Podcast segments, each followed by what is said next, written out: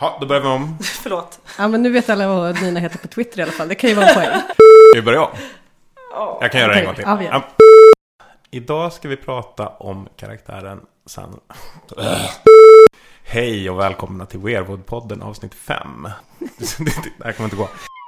If you think this has a happy ending, you haven't been paying attention.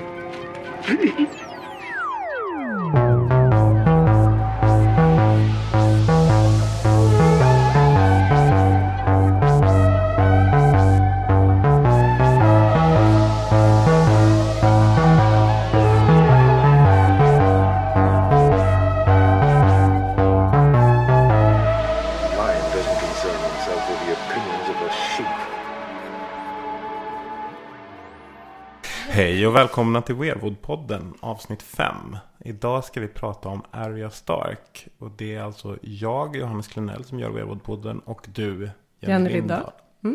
Ja, jag sufflerade där. Ja, men det är bra. För säkerhets Det tycker jag Så det inte blir fel namn. Eh, vi har med oss en gäst idag. Och det är Nina Andersson. Välkommen. Tack, hej. Nina, vad är din relation till Arya Stark? Eh, men jag tycker otroligt mycket om eh, Arya och blev så glad när eh, ni bad mig komma hit och prata om just henne. För hon är ju min favoritkaraktär. Eh, Jenny, vad är din relation till Arya? Den, har, den pendlar upp och ner. Den ibland så tycker eller men det kan irritera mig lite att hon är så mångas favoritkaraktär. Eh, eller framför allt därför att de har spelat upp det så mycket som att eh, Sansa som är min favoritkaraktär och Arya är någon slags eh, fiendekaraktärer. Och då, då blir det ju lätt att man liksom tar ställning. Och, så, så ibland har jag, har jag liksom stört mig på att eh, Arya är så populär och Sansa inte är det. Men eh, i grund och botten är det ju en fantastisk karaktär som jag ju verkligen känner för och älskar. Så att eh, eh egentligen tycker jag nog väldigt bra om henne. Men det har haft sina dippar. Min relation med, med Arya är ju så här att, att hon är ju så här konventionellt lätt att äl- att älska i stil med Tyrion. Tyrion har ju också den grejen att, man från sekund ett så, så finns det bara kärlek där. Inte i sekund ett, kommer du inte ihåg Tyrions första scen? När ni är på någon bordell, Bordell, den är vidrig. i Vintertown. Men så att kanske från sek- sekund fem då. Han gör en frivolt ut ur sängen eller något där. Så liksom, och där känner man ändå så här, men det här, det här kommer bli bra. Ehm, nej men, hela hennes story arc är, är ju liksom gjord för kärlek. Åtminstone i tv-serien skulle jag säga är ju hon ju liksom extremt lätt att tycka om. Alltså pojkflickeberättelsen. Hon, hon är ju som George i fem böckerna liksom. Det är... Kanske lite coolare. Men var det inte den andra killen i fem böckerna som man gillade? På J... Jeremy? Nej? jag kommer faktiskt inte ihåg. Hunden kommer jag mest ihåg tror jag. Ja. Jag gillade George, för George var ju liksom pojkflicka. Och det Just var också det, hon just som det, hade just det. hunden Tim. Ja. Eh, och det tyckte jag var... Ja, men, men jag gillar ju ändå hunden mest av alla karaktärer. Otroligt att ni kommer ihåg vad de heter. ja, halvt för mig då. Men, ja. Jag kommer nog bara ihåg vad George hette. George och Tim. Det är väl de man kommer ihåg. Det känns också som det var väldigt dålig tillgång på barn och ungdomslitteratur på den tiden jämfört med idag. Jag har läst alla fem böcker. Jag kan, jag kan ha gjort det också. Eh, De flesta i alla fall. Mm. Men å, åter till Västerås femgäng, alltså Stark-familjen. Eh, Snyggt. Mm. Nej men Arya är ju liksom genom hela storyn. Det, det som slog mig, för nu, nu kollar jag igenom allting igen. Med henne är ju att hon är ju egentligen den som är mest frikopplad från den här stora storyn. Alltså det, det finns nästan ingenting i hennes story arc som handlar om muren. Det finns nästan ingenting som handlar om White Walkers eller liksom de här mer övernaturliga delarna. Utan, alltså till och med Sansa har, har ju ändå mer kopplingar till det. Och hon har knappt några kopplingar till liksom Jon Snows story om, om vem han är när han inte är en, en Stark. Inga kopplingar till Targaryens mer än att hon har klättrat runt bland de här drakhuvudena. Och då är ändå hon den som egentligen introducerar hela den stora storyn. För det är hon som ser Varys och Illyrio inne i The Red Keep. När de pratar om egentligen det som är hela storyn för det som ska komma framför oss. Alltså konspirationen där man vill återinföra Daenerys till tronen. Och, och, Och där förstår man ju inte riktigt vad den handlar om när man ser den. Man vet bara att det är några som konspirerar mot tronen och en av dem är Varys och den andra förstår man inte alls vem det är. Nej. För man har redan glömt han från innan. Men, eh, och ingen tror henne. För att det är en märklig historia. Jag var nere, det var massa drakskallar. Hon försöker ju berätta det här för Ned. Ja, Men det framstår som förvirrat. hon är också i böckerna 11 år gammal. Får man komma ihåg. Vil- vilket gör henne till en, en mycket, mycket obehagligare karaktär än den som är i tv-serien. För där är det så att när hon börjar döda folk så känns det ju ändå som att hon är liksom hyfsat mogen att fatta vissa av de besluten. Men, men i böckerna så är hon ju liksom verkligen, verkligen ett barn. Och ett ganska psykotiskt barn också. Som, som, men, hon, hon dödar ju ändå sin första stallpojke redan när hon är 11 år gammal. Hennes karaktärsutveckling innehåller ju inga stora förvåningar. Eller vad säger ni? Nej men jag håller med. Alltså, hon har ju en väldigt stark och tydlig inre kärna som liksom är intakt under hela serien. Nu kan jag ju redan från början komma ut som också en som inte har läst böckerna utan bara sett det här på Det är tv. så vi då. jobbar med gäster ju. Ja, det, Reality check gäst. det blir väldigt lättare att höra det här. Men, eh, men hon har ju den kärnan. Samtidigt som i alla fall då i serien så är hon ju mer av en så här gullig tomboy i början. Och sen blir hon ju mer, mer psyko, eller vad man ska säga, eh, så småningom.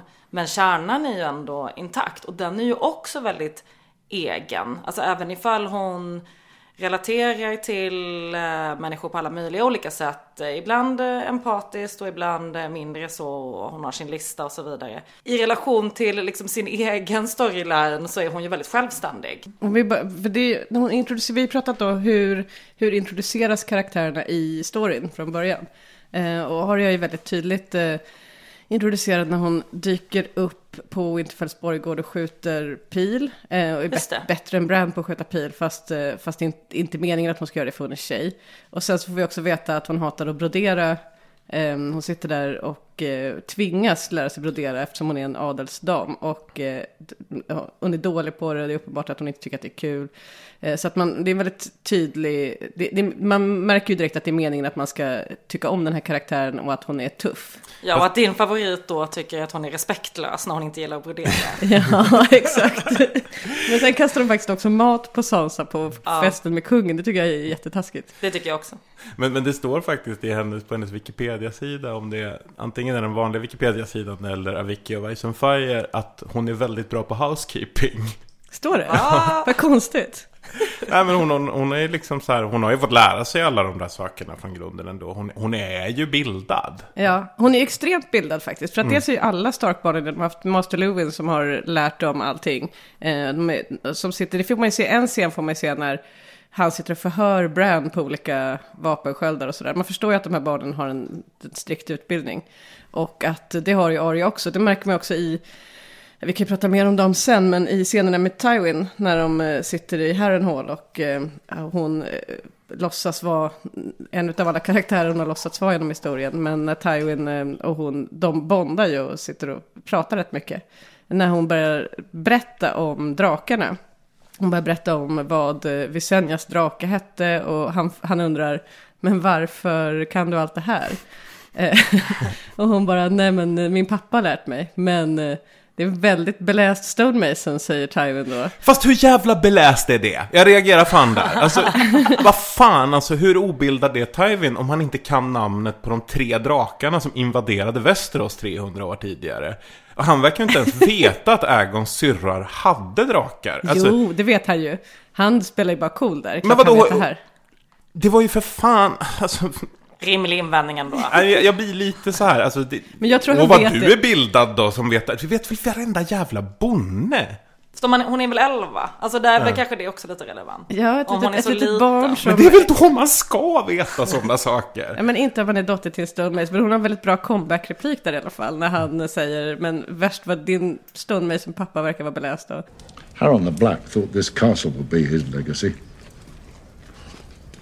Greatest fortress ever built. Tallest towers, the strongest walls. The Great Hall had 35 hearths. 35, can you imagine? Look at it now. A blasted ruin. Do you know what happened? Dragons? Yes. Dragons happened. Arran Hall was built to withstand an attack from the land. A million men could have marched on these walls, and a million men would have been repelled. But an attack from the air with dragon fire. mm, and all his sons roasted alive within these walls. Aegon Targaryen changed the rules. That's why every child alive still knows his name, 300 years after his death. Aegon and his sisters. Hmm? It wasn't just Aegon riding his dragon. It was Rhaenys and Visenya too. Correct. Student of history, are you? Rhaenys rode Meraxus. Visenya rode Vhagar. I'm sure I knew that when I was a boy. Visenya Targaryen was a great warrior. She had a Valyrian steel sword she called Dark Sister. Hmm. She's a heroine of yours, I take it. Are most girls more interested in the pretty maidens from the songs? John Keel, flowers in her hair? Most girls are idiots. You remind me of my daughter. Where did you learn all this stuff about Visenya and her Valyrian steel sword? From my father. He's a well-read stonemason. Can't say I've ever met a literate stonemason. Have you met many stonemasons, my lord? Careful now, girl. I enjoy you, but be careful. Take that back to the kitchen. Careful now, säger han då. Tittar man på hennes uppväxt så är ju den som har uppmuntrat hennes mindre ladylike beteende är ju Ned. Och Hela- John, John kanske också. Nej men Ned har ju satt hon berättar ju den här historien om för Sansa om, om hur pappa brukade stå upp i det där fönstret och titta ner på borggården på dem. Och hur hon hade lärt sig att skjuta pil. För att eh, Bran hade glömt kvar sin pilbåge och en pil. Hon hade stått och övat med den enda pilen, skjutit, sprungit fram, dragit ut pilen, sprungit tillbaks, skjutit igen. Och till slut så hade hon träffat mitt i prick. Och då hör hon en applåd uppe från fönstret. Just det. Ja. Och pappa har stått och sett henne. Ja. Och, och, och, och Kathleen hade ju inte uppskattat en sån grej. Nej. Hon gillar ju inte sådana saker. Det, är liksom, det, där är ju, det där är ju liksom pöben från norr. De här jobbiga liksom, barbarerna som hon har hamnat bland. Och deras... Alltså hon vill ju ha två Sansa. Det är det hon är ute efter. Liksom. Det, det är det, hon vill ju ha liksom ordentliga... Ja, Men det är väl svårt att se en framtid. De här människorna har ju aldrig träffat Brienne of Tarth heller. Nej. Så att eh, det är väl svårt för dem att se en framtid för henne som skulle vara framgångsrik. eh, Om hon inte kan skaffa sig en, en bra make och ett bra parti och allt sånt där. I Neds fall är det nog också en oro för att han ser så mycket av sin syster i henne. Alltså att, att, att han har sett vilken tragedi det kan sluta i. När man önskar mer av livet än, än det man är tilldelad. Eh, och det är väl därför han gärna ser att hon liksom blir vid sin läst på något sätt. Men, men han vill ju uppmuntra hela tiden. Han blir ju glad av att se det där beteendet. Och, sen, och, och det ska också sägas att i norr är ju inte det där ett konstigt beteende. Mormons, kvinnorna i Mormons är med i hären. De strider sida vid sida. Alltså det, det, det är ju inte långt norrut du behöver resa för att du, du ska hitta kvinnliga krigare egentligen. Liksom. Så, att, så att Brienne är ju inte så fruktansvärt unik. Det är ju flera utav liksom härförarna i Robb Starks armé som är kvinnor.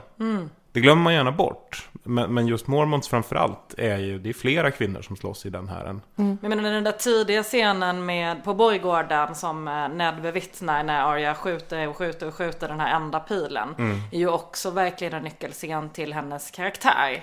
Eh, Med den här envisheten och strävan och disciplinen som, eh, som hon visar. Men sen, de beger sig iväg till Kings Landing och då har ju Arya fortfarande med sig sin eh, varg. Eh, Numeria. Eh, Hon är ute och svärdstränar, eller tränar, hon håller ju jämt på att träna, med sin kompis slaktarpojken Micah. Och eh, samtidigt så är Joffrey och Sansa ute på en romantisk promenad i omgivningarna. och går omkring. Och då kommer, eh, då kommer Joffrey förbi och han blir förbannad för att, eh, ah, både Sansa och Joffrey blir förbannade för att eh, hon står och håller på att svärdsträna med en slaktarpojke. Det är ovärdigt och det är dumt att lägga av med det där. Men Joffrey som han är så det slutar i katastrof och i att han, ja det slutar med att Numeria anfaller Joffrey och biter honom i armen. Det här är väldigt snabbtänkt tänker jag utav Arya, att hon ser till att driva bort sin varg. Men eh, det finns ju en koppling, en magisk koppling mellan Starkbarnen och deras vargar. Vad, vad, vad, vad kan man liksom dra för slutsatser av utifrån Arias karaktärsutveckling att hon är tvungen att göra det här så tidigt? Nej, men allt du säger eh, liksom pekar ju i samma riktning som karaktären sen också utvecklas. Alltså kvicktänkt, fatta drastiska beslut, väldigt så här, strategisk. Inga sentimentala kopplingar kanske man snarare ska säga än emotionella. Eh, Ja, precis. Det är ju rationellt verkligen. Det är jätterationellt och det är jobbigt. Så att det är inte som att hon inte har tillgång till sina emotioner. Men hon är ju helt osentimental i att fatta beslutet och inse vad som måste göras. Ja, och sen kommer den första stora slitningen mellan Sansa och Arya när I don't know. I don't remember. Everything happened so fast. I didn't see. Liar! Liar! Hey! Liar! Stop him! Stop! Hurry up! She's as wild as an animal of hers. I want her punished. What would you have me do? Whip her through the streets? Damn it, children fight. It's over. Joffrey will bear these scars for the rest of his life. You let that little girl disarm you.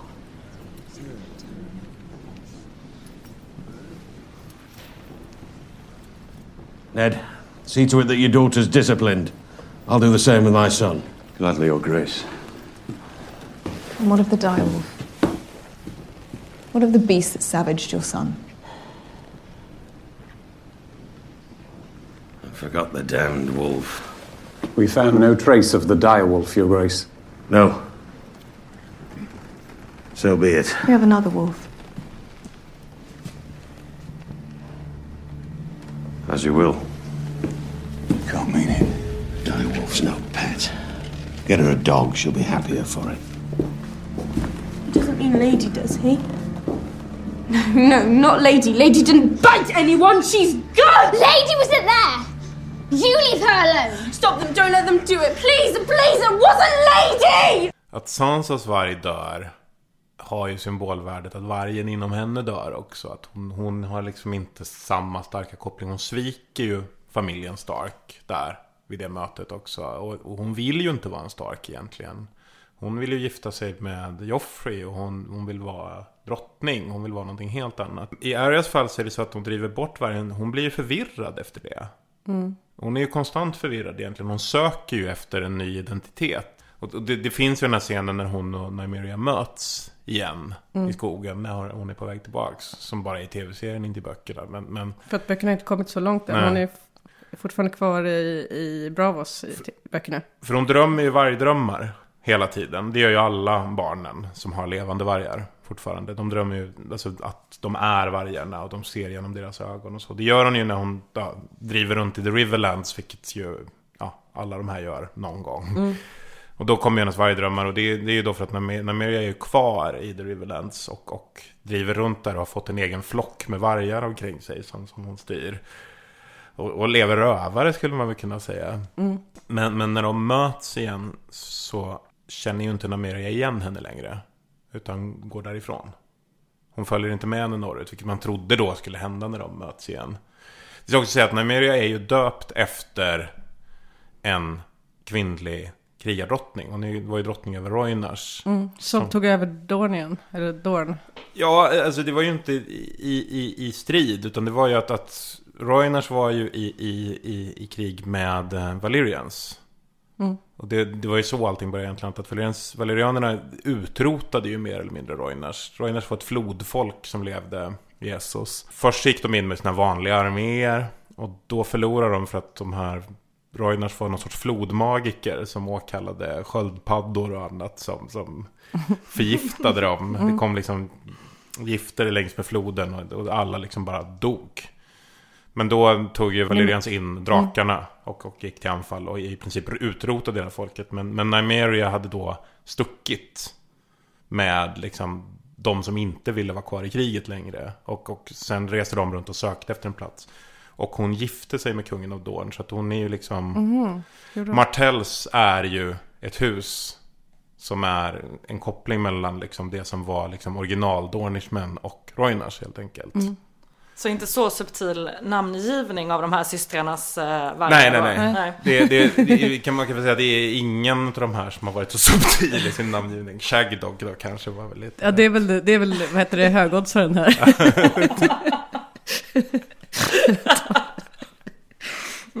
Första namnen på listan kommer ju till i den här situationen. Mm. Därför att det är ju The Hound som dödar slaktarpojken. Eh, och det är Cersei som eh, avrättade, eh, som, som beslutade om avrättningen av Lady. Mm. Eh, och det är där någonstans hennes liksom första två ärkefiender uppstår. men, men hon har väl inte börjat rabbla sin lista än här? Nej men det gör hon väl senare när hon äh, träffar äh, den här äh, mannen som jag har glömt namnet på som berättar det här som ett liksom, överlevnadsknep, som en strategi för att hålla liksom, fokus. Just det, att, det är de som du ska gör det. sätta din, jag hade en, han hade ju då bara en. Är det. Joren, han som tar med henne till eh, norr om, alltså han som ska ta med henne till muren? Han Det är nog Joren, ja. ja. Så Ja. måste det vara, det är han som berättar det här ja. Han Ja. får henne att fokusera på det sättet när hon är helt apatisk. ja. Jag vet inte om det var det bästa rådet att ge ett barn. ett barn, ett traumatiserat barn. Men det är Tänk väl bara på också vilka du vill döda fint. och så gå igenom det Man ordentligt vet och vara aldrig vilka. Hur olika typ så här, råd från vuxenvärlden landar eh, hos barn. Men man, man ger dem likväl. Och han ger ju det här rådet då. Ja. Men han kanske inte heller föreställer sig att hon ska ha liksom 10 pers på sin lista. Som hon sen systematiskt ska liksom Nej. gå Det är igenom. väldigt KBT. Ja. Ja, verkligen, verkligen. Ja, men eh, när de då kommer till King- Kings Landing, för en sak som är, Joren är en av de som lär henne saker, som alltså som formar henne. Och eh, i likhet med alla Stark-barnen så har, ju, så har ju mentorer spelat en väldigt stor roll eftersom de blir av med sin pappa väldigt tidigt. Och eh, Joren är en av dem, men en av hennes första starka mentorer är faktiskt redan innan pappa dör. Den som, han, hennes dancing teacher som, eh, som pappa fixar åt henne. Syria Forell. Sirio Forell, the first sword of Bravos. eh, han är ju en härlig karaktär tycker jag också.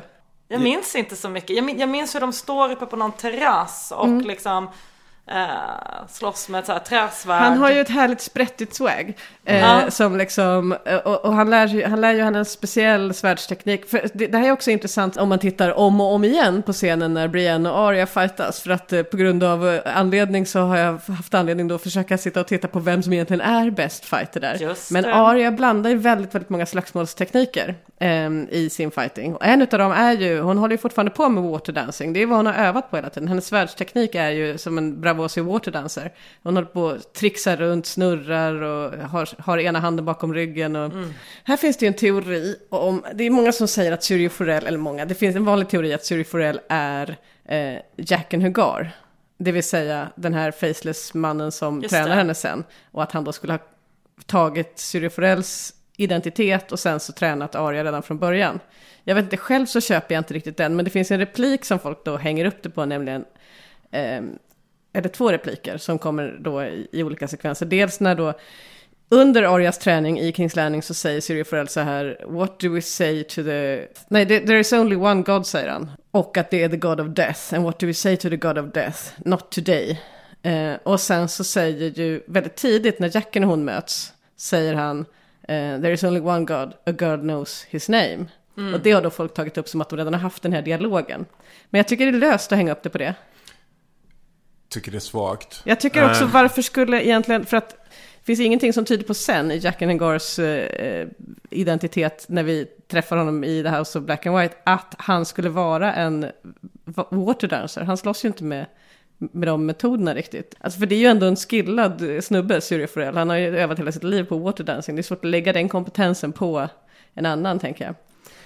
Alltså, grejen med Cyril Forell och varför han väcker så mycket tankar är, ju för att George R. R. Martin är väldigt, väldigt bra på att introducera karaktärer som sen inte blir någonting alls. Mm. Vi får inte ens se honom dö på screen, så att Nej, vi vet inte. vi vet inte om han är död. Man tänker sig då hela tiden att han ska komma tillbaka. Nu har jag gett upp hoppet och Mm. tänker att nej men han, han, han dog.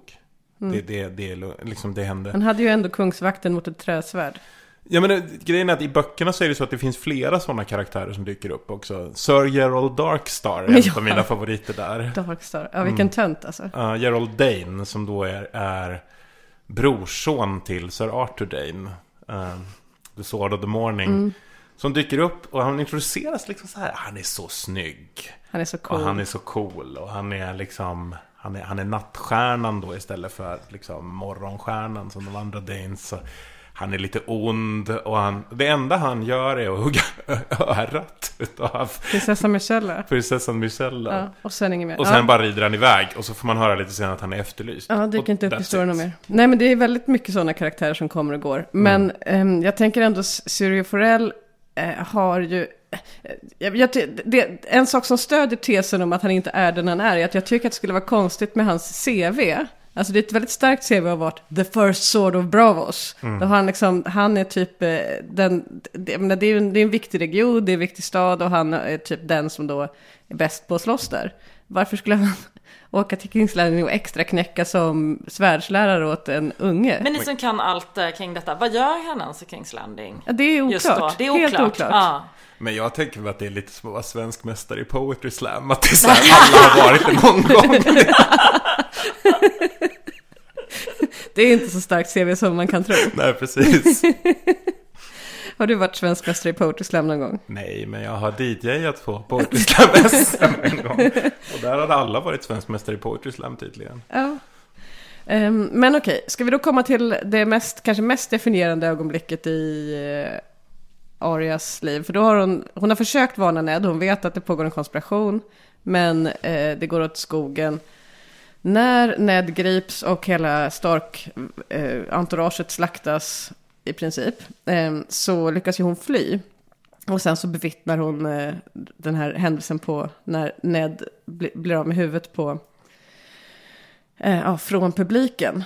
Eh, men är det, där, är det där det går helt snett?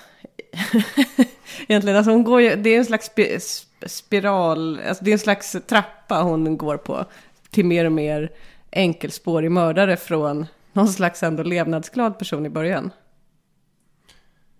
Ja, men redan där så har hon ju också någonting som eh, ja, Sansa eller många andra karaktärer i hennes eh, vad ska man säga, med hennes börd inte har. Det vill säga att hon sitter på den här pelaren och har liksom väldigt enkla kläder. Mm. Hon så här smälter in. Redan där känns det som att hon är liksom lite på väg till att bli a girl with no name. Det vill Mm. säga att hon liksom gör vad hon kan för att bara smälta in i i crowden på något vis och inte liksom utmärka sig och är ju också väldigt receptiv mot situationen. Mm. När den här personen som sen leder ut henne från borggården eller vad man ska kalla Mm.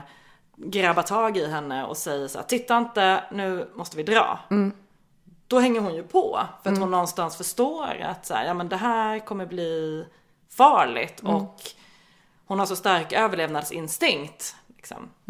Eh, hon så fattar rimliga beslut. hon fattar här. rimliga beslut. Hon skriker inte, hon kastar sig liksom inte och skriker pappa eller någonting utan Hon ger sig inte till känna. Alright, så här är det nu. Nu måste vi liksom ut. Hon har ju då, till skillnad från många andra Starks, gjort en ganska rimlig analys av hur maktutvecklingen Ja. kommer... Alltså hon tror inte att det här kommer lösa sig. Det är därför hon har flytt redan Mm. innan. Hon, har ju, hon, hon lät sig ju inte gripas, utan hon har ju hon har redan, eh, ja, hon har redan gått inkognito. Och hon har redan här dödat stallpojken också? Eller, Mm. är det, ja, det är det. Det gör hon och lämnar slottet. Så att hon har liksom redan tagit drastiska beslut för att hon inte litar på vad som kommer att hända sen. Mm. Hon lägger inte sitt förtroende hos någon annan än, än sig själv. Men, och hon har också analyserat situationen helt, helt korrekt, till skillnad från sin pappa och sin syster. Alltså det, det, det stora som händer här är ju egentligen två saker. Å ena sidan så är det, är det ju liksom det uppenbara pappans död. Vilket ju är ett toktrauma såklart. Men det är också systerns svek. Mm. Mm. Och systern står ju för alla de här konventionerna som hon inte vill vara en del Mm. utav. Så där i uppstår ju också liksom en, en, en total kris på Mm. något sätt. Liksom. För att hon, hon, hon löser sig egentligen från både det hon inte vill vara en del av och det hon vill vara en del av. Hon har ju ingenting kvar efter det. Det finns ingenting. Det hon skulle tvingas till, det har svikit. Och det Mm. hon vill vara, det är borta. Eh, Och Sansa har ju svikit också, det är inte Ja. bara som det ser ut. För att även om Sansa såklart inte hade väntat sig det här utfallet. Så är det ju så att Sansa har förrått eh, Ned. Hon Mm. har ju berättat för Cersei att de tänker dra. Så att eh, hon har gjort, det är ju ett enormt svek hon har gjort.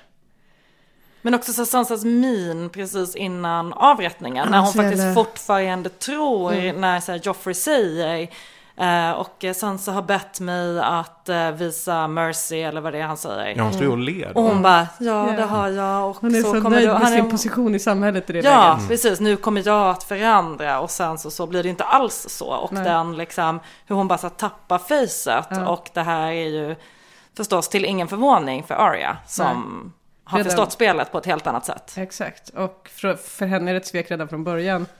Men är Sansa Ja, att hon dum står där. Ja. Ja. Sansa är inte dum, men hon tror ju på... Hon har inte analyserat spelet rätt, men hon tror ju på... Hon gillar ju Cersei. Eh, och, trots att de har dödat hennes varg och Joffrey. Och liksom... Hon, hon tror ju, hon, hon ser sig själv som någon som ska bli del av den här makteliten, en del av den här familjen. Mm. Så att eh, hon vill ju vara lojal med dem. Hon vill göra det som krävs av henne. Så jag tror inte att det är, hon är naiv naturligtvis. Men det är inte helt irrationellt heller. Hon är trolovad med Joffrey. Ändå.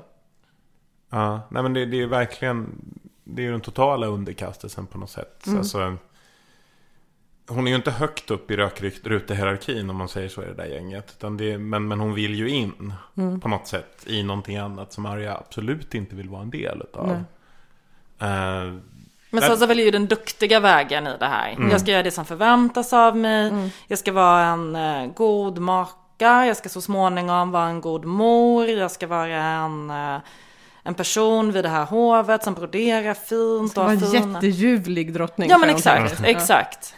Och, så, och det är precis det man ser i hennes minspel, hur det ändå går i kras. Alltså det är ju ett, eh, någonting som ni säkert kommer fördjupa i Sansa-avsnittet som jag Ja. ser fram emot att höra. Men det, Det- där ögonblicket och eh, väl, väl skådespelat också tycker jag. Ja, verkligen. Ja men det, det är väl lite så att de här systrarna väljer två olika vägar och Där Sansa på något sätt väljer politikerns väg Skulle man kunna säga Mm. Alltså även i hur hon sen spelar maktspelet efteråt Medans Arya gör ju inte alls det Hon väljer ju en, helt annan väg att gå Alltså där hon är vild och fri med de kostnader det kommer med på ett helt annat sätt Hon väljer ju absolut inte att underkasta sig systemet eller liksom välja den konservativas väg och liksom klättra inom systemet. De väljer att bryta sig fri från det istället. Eh, och det är ju egentligen det som händer här. För hon, hon bryter ju även, alltså hon blir ju pojke. Ja, precis. Mm. Jorun klipper av henne håret och ger henne ett nytt namn, Ari. Mm. Och så går hon under den. Det är hennes första nya identitet. Keep your mouth shut, boy. I'm not a boy! You're not a smart boy, is that what you're trying to say? Do you want to live, boy? North, boy. We're going north. Ja, men det där är ju så intressant med att hon, som du säger Hannes, med att hon inte väljer underkastelse. Och man sen ser vad som händer när hon kommer till Beavos och hur hon då försöker underkasta sig. Vi, vi Mm. kommer såklart till det. Mm. Men, men det där är ju en intressant liksom, Nej, men vi kan ta det nu också för att hon är ju eh, uppenbart missnöjd. Mm. Alltså när hon kommer till Bravos och nu ska underkasta sig den här träningsdisciplinen Mm, och bara få stå och sopa golv. Hon, hon är ju arg. Hon, Hon är jättearg och försöker ju hela tiden också så här, "Ja, men när ska vi sätta igång? När ska jag få komma fram till mitt mål? Precis som i Karate Kid. Det är precis som i Det är Karate väldigt Kid. mycket Karate Kid och ganska mycket Kill Bill också. Men, eh, men och där eh, så säger ju eh, den här personens namn har jag aldrig Jack lyckats- Hagar. Ja, tack. Eh, så här, a man must serve. Mm. Och det är ju någonting som hon inte riktigt har lärt sig genom att eh, bryta mot de här konventionerna och kasta mat och eh, inte brodera fint och sådär. Mm. Men det får hon ju verkligen lära sig från grunden där och väljer ju då underkastelsens Mm. väg. Mm. Att underkasta sig den här träningen och så som den ser ut och försöka i alla fall vara väldigt disciplinerad i det, även om hon med jämna mellanrum också ifrågasätter varför det går så långsamt och Mm. jo men jag är visst redo och sådär. Tror du Nina att hon under den här tiden hon tränar till att bli en faceless man, att hon hela tiden har i bakhuvudet att hon ska återvända till Winterfell, bocka av alla på sin lista, hon behöver bara den här träningen så hon måste spela med, eller att hon tänker sig att det här är mitt liv nu, jag ska tjäna eh, den här The Manifest God. Nej men jag är helt övertygad om det senare. När hon tar det här beslutet så gör hon det för att så här, hon har ingenting kvar. Hon har ingen annanstans att vända sig. Och det är ju också någonting som hon liksom rent bokstavligt säger i någon replik där. Att så här, jag har ingen annanstans att gå. Det här myntet och den här adressen är, det är min sista post. Mm. Liksom. Så hon kommer dit och jag tänker, ja men det finns så himla mycket att säga om just, just det här, men, men just med liksom disciplinen och det är ju också något, eh, något väldigt befriande med den typen av disciplin. Alltså att bli fri från sig själv, att på riktigt få bli one är ju en, eh, det är ju liksom en, en mörk önskan hos Mm. alla som någon gång har känt ångest. Mm. Att få slippa att vara sig själv och slippa ansvar och slippa den kontakten. Och det tror jag att hon eh, söker. Eh, och att hon verkligen också försöker att nå den här eh, totala underkastelsen. Mm. Med tanke på vad hon har gått igenom. Ja, absolut, såklart. Och också eftersom hon inte är Alltså hon är inte psykopatisk i den bemärkelsen att hon saknar empati. Nej. Eh, och hur hon med sin lista liksom KBT sig själv och försöker hitta riktning. Och hittar inte det och eh, ser ingen annan riktig väg. Men hon är rätt bra på att följa Jordan Petersons 12 livsregler. Alltså, där är det mycket det här, låt barnen åka skateboard, att man ska liksom få riskera mycket, man ska underkasta sig hierarkin för att hitta liksom friheten. Nu bäddar hon sin säng i Mm. House of Black och Ja, White. ja, hon får bäddar säga. sängen. Mm. Det är liksom så här, hon hittar ju den här disciplinen, alltså det här... Mm. Hon har ju stark träningsdisciplin. Alltså redan när de är på väg mot muren med Mm. Joran och gänget. Då blir hon kompis med Jedry och Hotpie. Och då hittar hon ju tid att gå undan och kör, träna sin svärdsteknik ändå. Mm. Mitt i allt. Vilket ju måste vara ganska knepigt med tanke på att de sitter i ett gäng och reser. Men hon är väldigt, väldigt noga med sin träningsdisciplin. Och den ska liksom alltid, eh, alltid hållas. Eh, men här kommer ju nästa trauma då ganska snart. När de blir tagna av Greg och Cleganes folk. Och eh, då är det ju, alltså där är ju eh, fullkomligt vidriga upplevelser måste det ju vara för ett, eh, för ett barn. Alltså att bevittna hur ens, hennes vän Lommy blir dödad. Mm, men- med hennes svärd. Med hennes eget Mm. svärd. Mm. Eh, folk blir torterade en efter en. Och eh, av en typ galen sadist. Som då åker upp hennes lista, Poliver. Mm. Poliver är ju ett sånt jävla svin alltså. Ja. alltså de, är ju ett helt gäng där i Riverland, har vi pratat om tidigare, Ja. som är sådana full, fullständiga arslen. Alltså, men Polivers det här med den här tunnan med råttan i som man sätter mot... Ja. Cleganes folk är ju arslen, för Mm. Clegane är ju också ett arsle liksom. Men, men det här är ju liksom... Han har en rekryteringspolicy. en klar och tydlig rekryteringspolicy skulle jag säga. Det är där, de tas ju till Harrenhal i det här läget och det, det, liksom, det här är ju kanske några av de mörkaste delarna i böckerna nästan. Ja. Alltså deras tillvaro där innan Tywin Lannister anländer. Ja. För det är ju bara så här, ja men det är bara så här, folk torteras på random hela tiden och dör. Ja. För det är ju liksom, ingen kan ju ge några svar. De här, de här människorna de vet ju ingenting. Nej. Och det är ingen där som liksom accepterar att de inte vet någonting om vad som händer ute i skogarna. Det, det, handlar, det handlar väl rätt mycket om att de vill ha tag på The Brotherhood Without Banners Ja. här tror jag. Och de här är ju liksom ett gäng stackare som är på väg till muren. Ja. De vet ingenting. Och, och Arya ser liksom så här kamrat på kamrat dö. Hon har ju också räddat Jackan i det här läget. Ja, precis. Så, och han har ju gått med i Lannister-armén. Mm. Det, det tycker jag det är så dimmigt för mig varför det liksom, varför det är så. Ja, det, Ja, men det är här- ganska dimmigt. Men han eh, försöker väl också bara överleva. Nej, här är han ju väldigt diffus för han fortsätter ju hänga med de här Rådrobiter också. Ja, så- som också har gått med i Lannister-armén. Ja. Man fattar ju heller inte hur en person med hans förmågor kan bli liksom tillfångatagen i en liten så här Nej, Varför trälåda. sitter han i den där trälådan?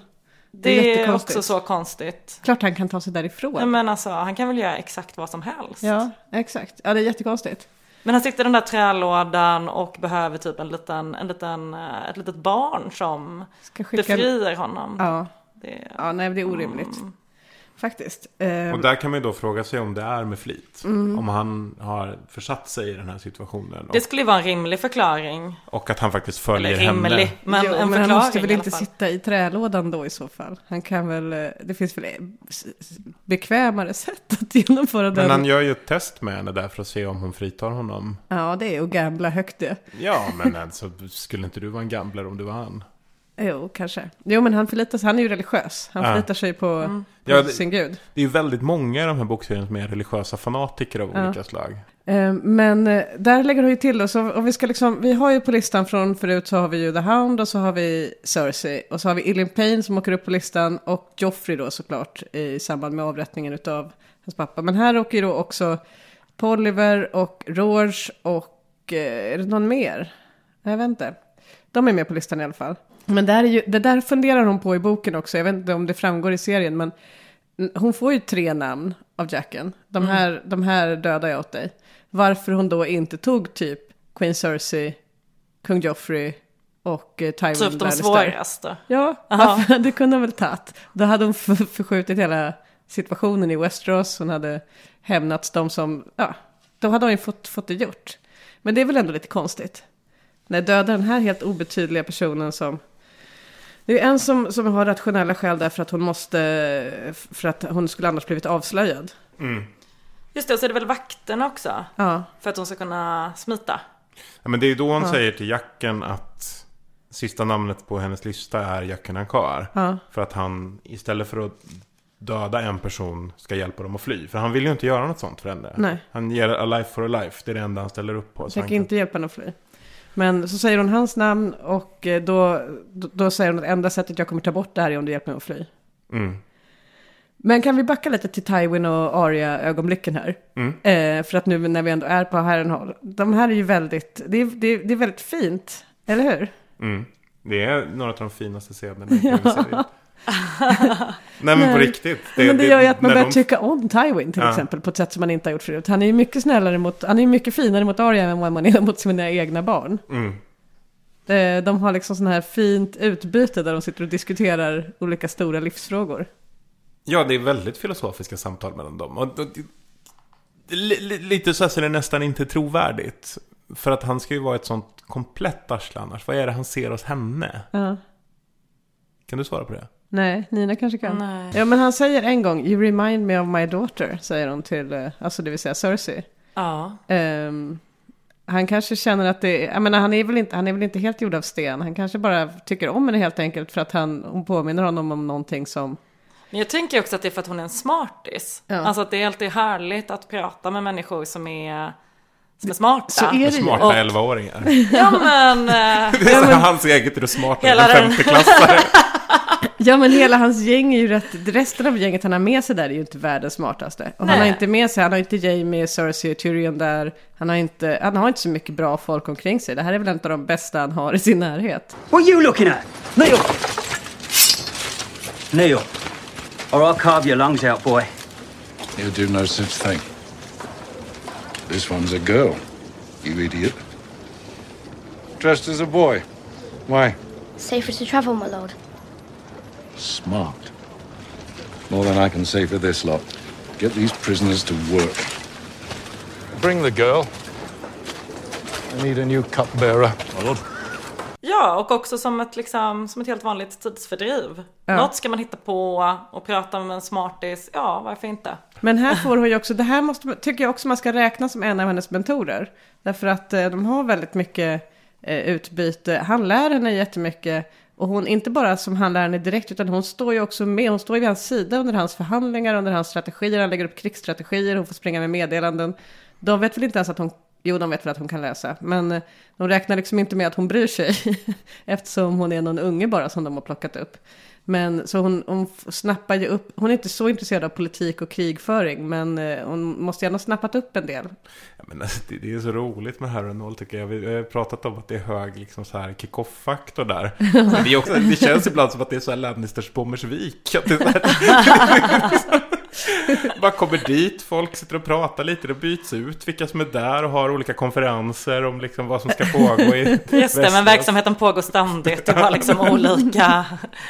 Jo men och Harrenhal var också kick-off för det som startade hela händelsekedjan. Alltså Mm. turneringen vid Harrenhal när Liana och Rhaegar rymde efteråt. Mm. Eh, och allt det här liksom fick sin början. Ja, och det ska också sägas Precis att som bommers de andra. Precis som boomers. Ja. Är det så man säger i branschen? Bommers. Bommers. Ja, men testa det så. Då blir man insläppt på en gång. Då vet alla att man är med i gamet. Lite som att de säger herren i Västerås.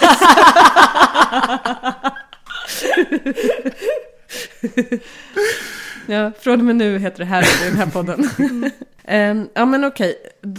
Eh, det, är lätt att fastna för det. Än så länge har vi egentligen inte kommit in riktigt på Arias huvudsakliga karaktärsutvecklings liksom, ark här. För att eh, här är hon fortfarande, hon gömmer sig. Men sen, sen blir hon ju tillfångatagen utav, tillsammans med Gendry och Hot Pie då, av The Brotherhood Without Banners. Mm. Det är ju, en, eh, alltså det är väldigt mycket som händer Arya av en ren händelse. Om vi jämför med Brienne som vi pratade om i avsnitt ett så bara drar runt och inget händer henne.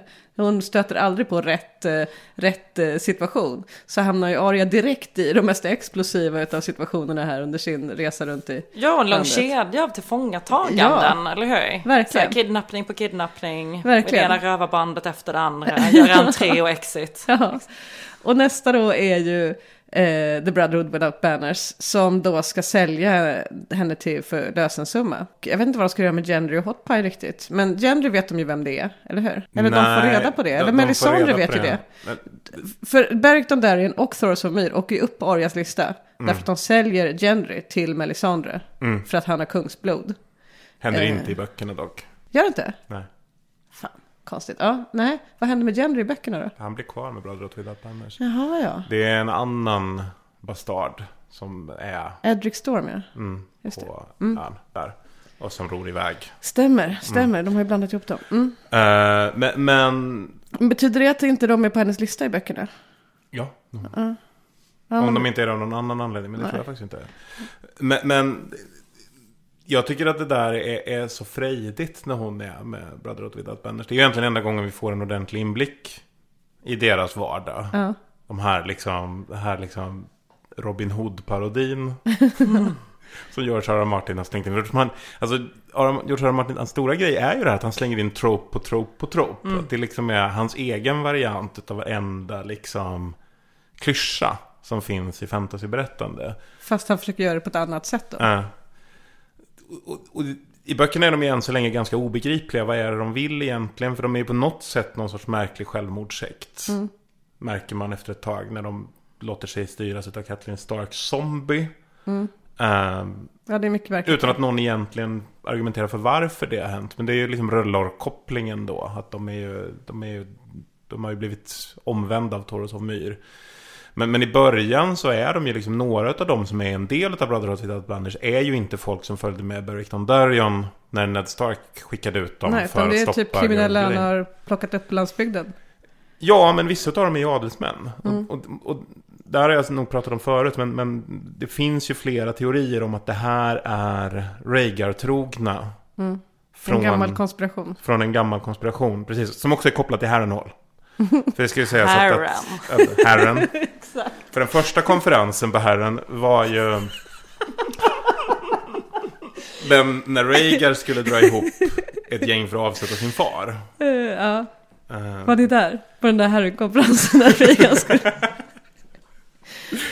Med tillhörande turnerspel givetvis. Ja. Jag antar att det är så här ni sossar gör.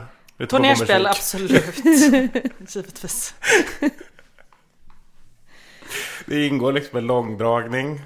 Ja, ja, ja. Först är det liksom eh, möte, sen är det så här middag, sen turnerspel, sen nattmangling med kaffe och ostmackor. Och sen Precis. börjar man om nästa dag. ja. ja, men The Brotherhood var det på. Ja, nej men i alla fall. Det, det, men det gör ju att som läsare och i viss mån som tittare så blir man ju lite förvirrad. För du måste ha väldigt mycket förkunskap för att fatta den här sammansättningen. Mm. För sådana som Len Lemon Cloak till exempel i det här gänget är ju inte en av de som har skickats. Och hans mantel är i tv-serien inte ens speciellt gul, vill jag påpeka. Han ska alltså ha en gul mantel, men den är inte så gul. Men är det han som har trätänder också? Jag vet inte. För det är någon Oh. av dem som har det. Ni är, älskar konceptet trätänder. Det är liksom... Det är det bästa man kom på på medeltiden. Usch. Ja, det är man glad att man inte har. Ja, men, men de är ju liksom... Jag tycker inte att tv-serien eller böckerna egentligen är så tydliga med deras agenda och vad de vill och vad de håller på med. De säger Nej. att de representerar folket. Mm. Och det gör KPML också. Det är ingen som har valt dem. men det är ingen som har valt dem heller. Nej. Men det där är väl ett sätt för liksom, eh, det är väl en av anledningarna till att Game of Thrones blir så jävla maffigt. Att det dyker upp både ett antal karaktärer som vi varit inne på som inte nödvändigtvis får någon slutpunkt och som presenteras och sen liksom försvinner eller kanske återkommer. Och liksom olika papper och sådär som, ja de finns där och de Ja. har sin egen lilla story. Vi får och... inte veta hela den. Nej, och ibland så kommer det några repliker som är rätt obegripliga som Ja. liksom antyder någon agenda eller någon historia och sen är det liksom inte så himla mycket mer med det. Och det sammantaget gör ju att det känns jävligt, ja men just maffigt och eh, som, eh, som livet är. Var ju också väldigt mycket mer så innan tv-serien passerade böckerna. Mm. Tycker jag. Ja. Att, att det hände någonting där. Att de slutade säga saker som man inte riktigt fattade. Men som antydde att den här världen var mycket större än vad den är. Alltså, universumet krympte ju rejält. När de passerade böckerna. Ja. Det antar jag att ni håller med om. Ja, Alltså, ja, ja gud ja. Absolut. Men det, men det måste ju också bara, någonstans måste ju det här tratta ner till något. Och eh, den trattningen kanske blev lite hastig med tanke på hur, hur lång tid som hade använts åt att bygga upp det. Ja, ja visst. Men eh, eh, när hon är med The Brotherhood Banner så anklagar hon ju The Hound som de också har fångat då. Eh, fast orelaterat till henne. Men för eh, mordet på Micah. Just det, det är en ganska intressant rättegångsliknande scen. Ja, där. jag tycker också att det är lustigt att de överhuvudtaget erkänner det här. För jag, men jag, tror, jag tror ärligt talat inte att det är dödsstraff på den här handlingen i Westeros allmänna moraluppfattning. Att han på uppdrag av kungen skulle ha dödat någon som hade gjort något fel. Alltså, typ, så det är verkar som kungar får göra. ja, ja. Men i alla fall, de köper den här anklagelseakten. Ja, han dödade en slaktapojke. Han erkänner ju den också. Han säger ja, det gjorde jag. Han blödde jättemycket. Fick tvätta sadeln efteråt. He was a Mm. bleeder. Ja, han gör det inte lätt för sig, The Hound. Men och så blir det trial by combat och som Sandor då oväntat eh, vinner trots det brinnande svärdet. Sandor Gilgain är ju verkligen alltid i behovet av en riktigt bra advokat. är liksom, han är verkligen där idioten som inte ska representera sig själv i något läge verkligen. överhuvudtaget. Men om det är trial by combat så funkar det ju bra ändå, Ja. uppenbarligen. Så att de ska sätta honom fri eftersom han har vunnit och det tycker ju Arya är förskräckligt. Men det, det slutar ju med att eh, de teamar upp ändå. Eh, utan, att, eh, utan att hon ens dödar honom på slutet. Men där har vi nästa utav hennes eh, Precis, lärare. jag tycker så här, teama upp ju lite, lite svajigt mot Ja, för handlingen. Han, han, kidnappar ju henne. För att, ja men fram till, han kidnappar henne för att ta henne till hennes mamma där han ska sälja henne för en lösensumma. Mm. Det är ju faktiskt så att hon, jag tycker kidnappar är ett starkt ord i sammanhanget. Hon har haft många tillfällen att fly också. Ja men det är också så här att, att hon, det är ju inte som att han smyger in i Brotherhood Without Banners läger och plockar upp henne. Nej. Utan det är ju faktiskt hon som aktivt sticker därifrån. Och sen haffar han henne precis haffar han utanför. Vilket ju, skulle jag tro, ökade hennes överlevnadschanser något också. Så Mm. det är inte, det, man är inte riktigt emot att han gör det. Det är ju Eh, bra att det och- kommer in en vuxen i rummet Ja. där.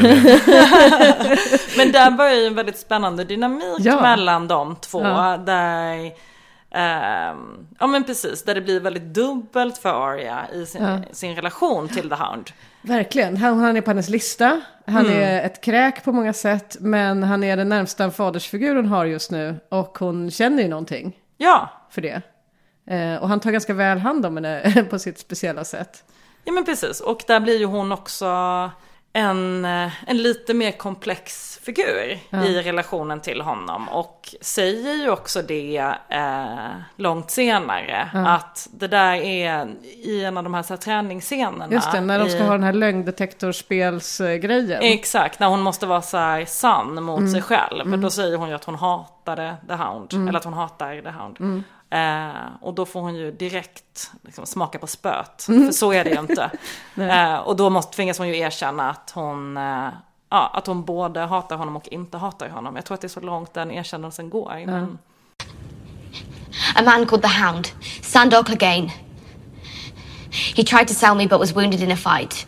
He begged me to kill him, but I wouldn't. I left him in the mountains to die. I wanted him to suffer. I hated him. I hated him. That's not a lie! A girl lies. To me. To the many-faced god. To herself. Men eh, för han tar ju då henne till, hela vägen till eh, Riverrun.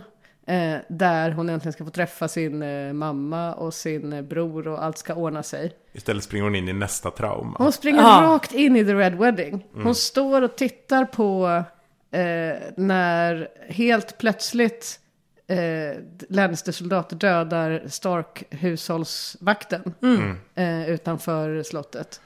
Och vargen. Och vargen, Hon ja. ser på Precis, när det hon ser händer. på när det händer. Mm. Eh, det, det här måste ju vara... Här här måste Vems vara varg är det då? Eh, Det är Robs. Robs varg. Ja. Greywind. Just. Jävla töntigt namn. Det är jättetöntigt. Alltså han är pompös den där killen alltså. Nej, jag gillar inte honom. Gud, vilken tönt han är. Ja. Han är fan sämst. Han är fan sämst. Ja. Ehm, så jävla entitled också. Ja, ja men total entitlement hela tiden. Men och sen den där fall- truliga blicken. Ja, visst. visst. Nej. Han tror han, han, tror han äger världen. Men, Mm. eh, ja, men i alla fall. Så hon springer rakt in i det här traumat. Och då tänker ju hon agera. Men The Hound räddar Mm. situationen genom att knocka henne medvetslös och ta henne därifrån. Vilket ju är bra, för annars hade ju hon också varit död. Så det Mm. första hon ser när hon vaknar till, det är hennes brors huvudlösa kropp med ett varghuvud hängandes över. Uh, medans då Phrase går bredvid och sjunger King of in the North, King in the North, King Ja. in the North. Han Ja, det är mycket att ta in för ett barn. Ja. Hon har sett rätt många familjemedlemmar bli just halshuggna vid det här Mm. laget. Det är... Mm. Och här är hon ju så nära sin räddning också. Hon är så nära Mm. att få tillbaka sitt liv. Som, hon ska få tillbaka sin mamma och sin bror. Mm. Men det händer ju inte. Men där i alla fall så gör hon ju efter det här så är det mer eller mindre ett fritt val upplever jag det som att följa med The Hound. Mm. Han har liksom ingen större nytta av henne nu. Utan nu, det- för han kan inte sälja henne. Och han har ingen lust att sälja henne till någon fiende. Jo, de ska till Lisa Arryn. Jo, men nu är det väl, ja det ska de. Men nu- han ska testa att sälja henne där. Och då rider de ju dit. Det här är en väldigt härlig scen tycker Ja. jag. För att det är också, allt i det här är lite konstigt. Ja. För att de rider till The Whale. Ja. Och kommer till det där passet. Och, och de håller på och bråkar jättemycket medan det här pågår. Liksom, om vad som ska hända. Och han är så nöjd med sig själv. För att nej, men hon är ju rik din, din moster. Just det. Och det Mm. där kommer bli toppen. Och jag kommer få pengar. Och sen så, vad ska han göra med pengarna? Alltså det, det, han är kvar. Alltså, Men han ska väl äta kyckling och dricka öl för pengarna. You don't seem to understand the situation. I understand that if any more words come pouring out your cunt mouth, I'm gonna have to eat every fucking chicken in this room. You lived your life for the king. You're gonna die for some chickens. Someone is. Ja, ja, men, och, och så kommer de fram till pass, det där, liksom den här porten som är där. Så där man bara kan gå igenom två och två. Och där uppe står en vakt. Och då presenterar de sig vilka de är. Att han är Sandor Clegane och han är hunden. Och det här är Arya Stark. Och då säger vakten där uppe. Nej tyvärr, Li- Lysa Arryn är död. Jättekonstigt. Precis. Och då börjar Arya skratta. Och sen bara går de därifrån. Hon har ju för fortfarande en kusin där uppe. Ja, ja det är Alltså, jättekonstigt. det- varför låter de bara Arya Stark gå vid det här? Alltså, Det är inkompetenta vakter. fruktansvärt Det inkompetent här är så personal. sådana här man liksom, men man har ju stött på den typen av arbetskraft. Som man liksom, Men man där- ber lösa ett problem och så säger de det gick inte för att, och så är det någon helt orimlig anledning. Nej men det här är lite som så här, de som var vakter på Arvika-festivalen när jag var där förr i tiden. Som man liksom kunde gå förbi, visa sitt artistarmband, hålla en bag-in-box med en handduk lagd över. Ja.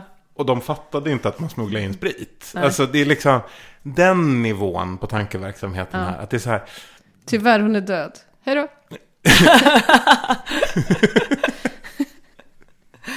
Ja, Det var, alla köper det. det. Var, det kan, kan, du, kan du ringa den här och bara, det var upptaget så det gick inte. Nej. Ja, och nu då? Mm. Ja. Nej, men eh, så då drar de ju vidare efter det. Men här efter det är det väl åtminstone mer eller mindre frivilligt eh, companionship. Men här känns det som att de liksom inte har något riktigt bättre för sig, någon av dem. Mm. Än att liksom hänga och kolla vad som, vad som händer härnäst. Mm.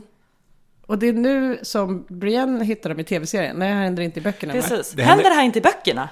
det händer en liten säger. grej innan dess också. Som faktiskt är Ja, ganska ja viktig för väldigt det. viktigt. De får tillbaka sitt svärd. Just det. Nej, men det, det är en viktig passage absolut när de träffar Poliver och Poliver blir dödad och liksom Mm, så. av Och, och, och, och den scenen är ju närmast identisk med det som händer när Oliver dödar Lommy. Mm. Att det är så här, han kan inte gå och hon sticker svärdet genom halsen på honom. och Så där. Men det kommer en mer avgörande scen för att här och, och, och, och Sandor får äta rätt mycket kyckling också. Ja.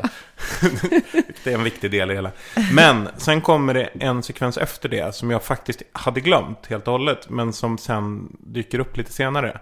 Och det är att de kommer till en bondgård. Ja, den, Ja, den fruktansvärda. Där det är en, en, en, en far och hans dotter som är. Som de hjälper med hushållsarbete mot betalning är, tanken. Ja. Mm. Och, och de erbjuder sig verkligen så att vi, kan, vi tar hand om er om, Mm. om ni stannar här. Och det är väl lite också med förhoppning för den här pappan är vek och liksom Mm. snäll och sådär. Kanske också att Sandor ska liksom försvara dem Mm. nu. Och vad gör Sandor då? Han dödar dem. Nej, han Nej, han dem. tar deras mat. Ja, just det, han, just det, han dödar dem inte. Nej, precis. Han tar deras pengar. What did you do?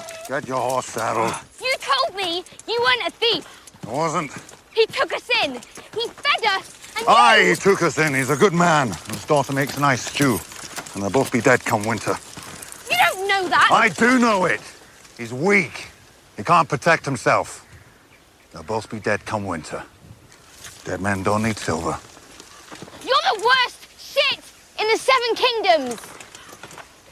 He's plenty worse than me. I just understand the way things are. How many stars they got to behead before you figure it out?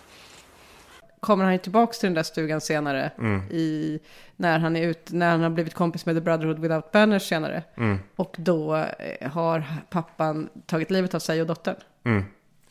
Där ångrar han sig och det är ju väldigt tydligt. Ja, för så begraver han Ja. dem. eh, Visst.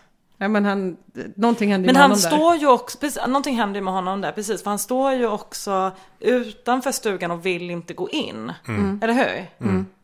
Eh, och jag sa, nej, vi, äh, det här ser inte bra ut. Vi, vi, vi går vidare, vi hittar, vi hittar någon annan stuga. De bara, Ja. galen? Här, Jo. här kan vi spendera Nej, men, natten, ja. det blir perfekt.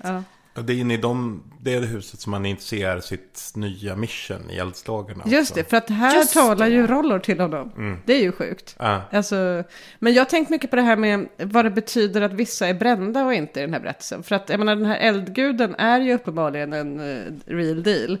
Kan återuppväcka döda, håller på med grejer. Så någonting, någonting solitt finns det ju i den här religionen som, som är äkta och inte bara folktro. Till skillnad från den rådande religionen i Västerås. Ja. Som inte verkar göra ett skit Nej. för någon överhuvudtaget. Nej, det har ju aldrig hänt att någon av The Seven har liksom ingripit eller så. Nej. Men eh, i den här guden så är det ju, eller i den här religionen så är det ju vikt, så, så är eld avgörande. Och Sandor är ju bränd sen, Mm. sen, sen han var barn. Jag tänker också på att John är bränd eh, sen han räddade, han räddade livet på Joar Mormont när det kom Whites attackerade och han var i den processen bränd på armen. Så han har, har liksom, hans svärdshand är alltid lite stel och han måste hålla på och gymnastisera den för att inte, för han är brännskadad. Eh, och, och sen så finns det ju hela den här mytologin kring Kissed by Fire. Mm. Som, eh, om man är rödhårig och så. Eh, men jag tänker att på något sätt så kommer väl, det här känns som något som kommer få sin förklaring så småningom. Eller? Ja, det måste det ju få. Det, den, alltså, bokserien heter A Song of Ice and Fire. Ja. Så att jag antar att elden kommer ha någon sorts relevans i det. Alltså det är ju en hel eldreligion. Ja. Och, och där finns det ju jättemycket så här, vad är isdelen av den här religionen då? Där finns det ju en idé om att det är det som kommer från norr. Alltså någon sorts ond kraft Mm. där uppifrån. Fast Rellor verkar ju inte vara så jävla sympatisk heller. typ- Jätteosoft. I alla fall hans, hans präster är ju inte så kul som håller på att elda upp folk. Thoros och Myr är väl härlig? Ja, men Melisandre är väl inte så härlig. Nej, Men det är väl bara klassisk yin och yang tänker jag. Alltså det är väl inget som man behöver, ja, Att det är så härlig ändå- hit och dit. Men Att det är nog samma värld bara så att säga med, med de här två krafterna. ja, lite grann där ingen är den goda och den andra den onda. Utan Nej. Men det skulle, för, ja för det finns ju ingenting som egentligen säger heller att The Nights King och hela den här isarmén har något no ondskefulla, alltså typ att det finns ett ont uppsåt. Lite ont uppsåt ändå. Ja, men det för, från deras perspektiv, om man tänker så. Alltså De att, rev trots allt väldigt mycket infrastruktur när de hade ner muren. Jo, men de bryr sig inte så mycket om, de behöver ingen infrastruktur. De har ju, de, de vill väl bara, jag menar de, från deras perspektiv, de kanske inte är ute efter att, eh, så att, säga, att, att vara ond är väl att vilja skada eller vilja illa eller vilja att det ska gå dåligt. Men det finns väl ingenting som, som, som säger i sig att det är det de vill. Men jag De tänker att det är också bara- en väldigt omodern teologi. Att tänka så här, Gud är god och Ja. så djävulen är ond och så Ja. här. Utan det, Det här finns är de här väl- krafterna, de, de är... De är. De är. Nå, i alla fall i den där stugan. Mm. Det som händer där är ju att det är där Arya bestämmer sig för att hon inte gillar Sander Clegane efter det här rånet Mm. då, när han rånar den här familjen. För då fattar hon liksom att han är väl pragmatisk i sin hållning till Mm. vem som klarar sig. För han säger ju till henne då att de här är svaga, de kommer inte överleva vintern ändå. Det kommer jag göra, så jag tar deras guld. Eh, lite lustig idé om Mm. att de här borde bara läggas ner och dö mer eller mindre för de är så svaga så de kommer ändå inte överleva. Men, men och det är ju efter det som de hamnar uppe i bergen och, Mm. och springer in i Brienne of Tart. Brienne of Tart knuffar ner The Hunt för en klippa. eh, efter att de har slagits med varandra. Och Arya står ju där och säger till båda två att jag vill inte gå med någon av er. Jag Mm, inte, mm. alltså, eller, eller jag, jag går med honom nu, men det är inte för att jag tycker att det är så kul att hänga med honom. Men jag, det, det här kommer du och säger åt mig att jag ska Mm. följa med dig istället. Mm. Ja, hon gömmer sig Hänvisar för Brienne sen. Mm. När Brienne har vunnit så, så kan hon ju inte hitta Arya. Mm. Himla beige. Alltså Brienne är så... Misslyckat. Men, eh, ja men och sen så drar hon iväg till, eh, eh, till Bravos helt enkelt efter det. Men det är ju en har hon annan kvar. hon, eh, liksom, om vi stannar vid när liksom The Hound faller ner Mm. eller blir nerknuffad för Ja. klippan. Så går ju Arya ner till honom Mm. och liksom står och på något vis utstrålar sina komplexa känslor inför Ja, honom. I att så här, hon vill inte döda honom. För hon vill inte så här put him out of his misery. Men Mm. hon vill heller inte döda honom för att hon faktiskt inte vill döda Nej. honom. Mm. Och hon vill heller inte hjälpa honom för det är lite väl. Men samtidigt och så står hon där och slits Ja. Och mellan så detta och sen tar hon hans pengar och går. tar hon hans pengar. Ja, Ja, det gör hon. hon har, han har lite på sig med Det var de han tog från bonden. Ja, de tar hon. Mm. De tar hon. Ja. Ja, mm, där ser Det är man. en nice comeback på den situationen. Ja, men precis. Trickle down-teorin.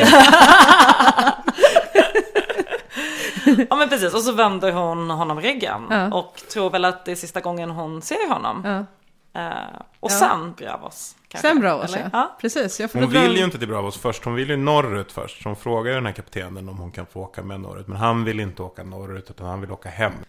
Så får hon plocka fram sitt uh, mynt hon fick av Jacken. Mm. Och det tycker jag är himla... eh, Där, där förstår, jag älskar när man lyckas leverera en scen eller en situation där man förstår vidd, att det finns en vidd av någonting. Det finns ett avgrundsdjup av någonting som vi bara kan ana här. Mm. För att när hon presenterar det här myntet och han s- s- skiftar attityd omedelbart, helt och hållet. Mm. Och bara säger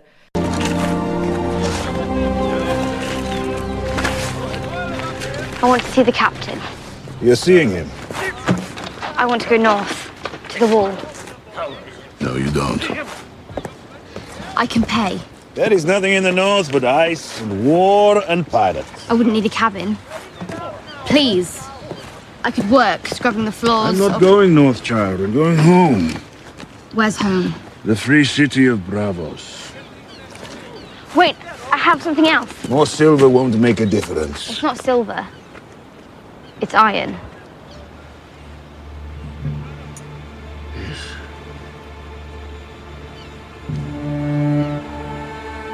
How did you? Valar Morghulis. Aldo Aires. Of course. You shall have a cabin. Alltså då börjar man ju verkligen undra, vem var det här? Ja. Eh, vem, vem är Jacken och eh, vad är det för, alltså hur kan han ha sån impact på, ja, det är jättehärligt tycker jag, det ögonblicket när man bara anar att nu kommer hon verkligen få vara med om något. Mm, underbart. Ja. Så känner man ju som tittare också, att man verkligen kommer få vara med om något. Ja. Och det får man ju. Och det får man ju. Ja. Men även om jag kan tycka att den här, det här är väl liksom, handlar väl om timing i att olika tidslinjer ska löpa parallellt och vi behöver få mycket av Arias berättelse. Men jag tyckte nog att rent berättartekniskt så var hela den här eh, delen när hon tränar till att bli en eh, faceless man lite för, den var ganska tråkig. Alltså Ja. det var rätt mycket som var eh, repetitivt och boring i hela den historien. Grejen är att det utspelar sig ju över ett halvår åtminstone. I, i tidslinjen? I tidslinjen, ja. Borde- ja. Alltså i böckerna så, så är det väl utskrivet till och med. Jag tror att hon, hon är blind till och med i ett halvår. Mm, ja, men för att det måste vara en längre Ja, träning då är ju själva träningen mycket längre. Ja. Mm.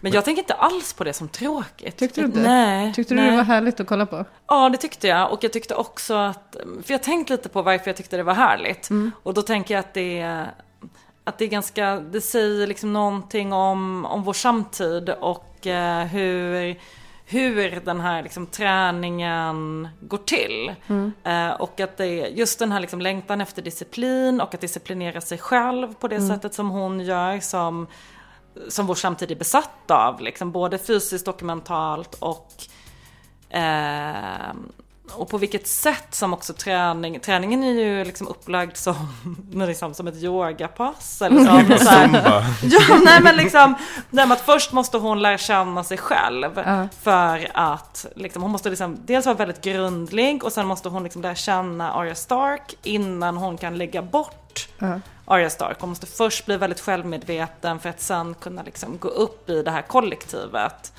Eh, på något vis. Och det tänker jag är... Funkar det så på yoga? Ehm, alltså det kanske inte är exakt så på yoga, men den yogan vi där. på Bommersvik. Vi börjar med självutplåningen.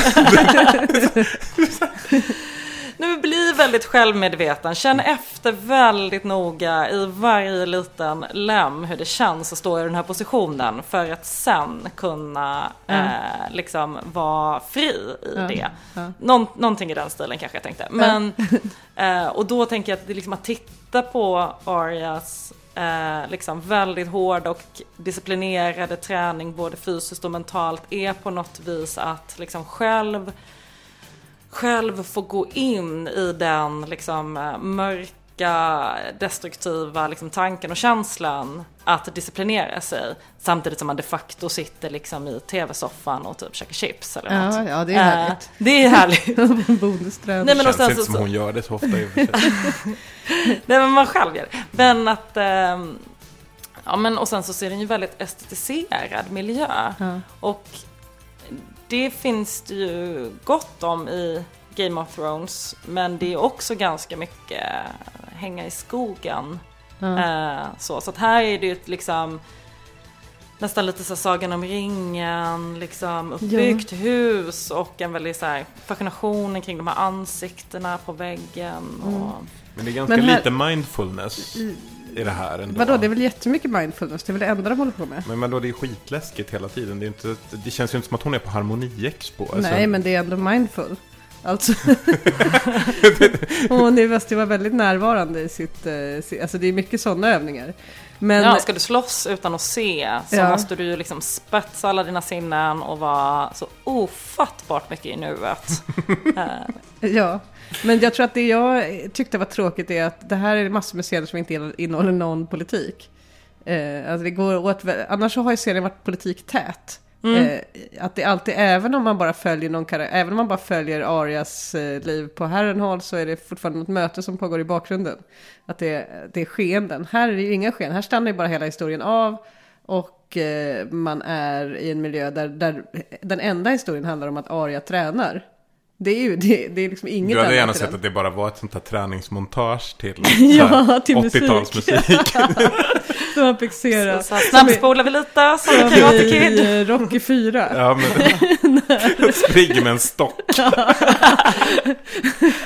Den och sen, ja. ja det hade jag kanske sen bara, ni fattar. Ja, ni fattar. Hon har varit här skitlänge, hon har tränat jättehårt och nu är hon färdig. Ja, men det är ju lite politik ändå. Alltså, för det första så får vi ju veta vilken fjant Tyrells överhuvud är. Ja, just kom- det. Han kommer till Bravos. opera. Ja. Ja, just det. Jo, och sen så får hon ju bocka av en till på listan. Mm. Eh, när han kommer till eh, Bra, Bravos, Marion Trent. Det är ju, där är ju första gången som eh, Arya är... Eh, alltså man börjar liksom ana djupet av hur störd hon har blivit utav allting som har hänt. För det är inte en liksom normal avrättning hon gör. Nej, hon sticker ju ut ögonen på honom först. Det är en väldigt obehaglig scen faktiskt. Ja. Fruktansvärt. Och hon är helt iskall inför den Den situationen. föregås ju för sig också av extremt obehagliga scener när Ja. liksom, han väljer ut de här barnen på bordellen och Mm.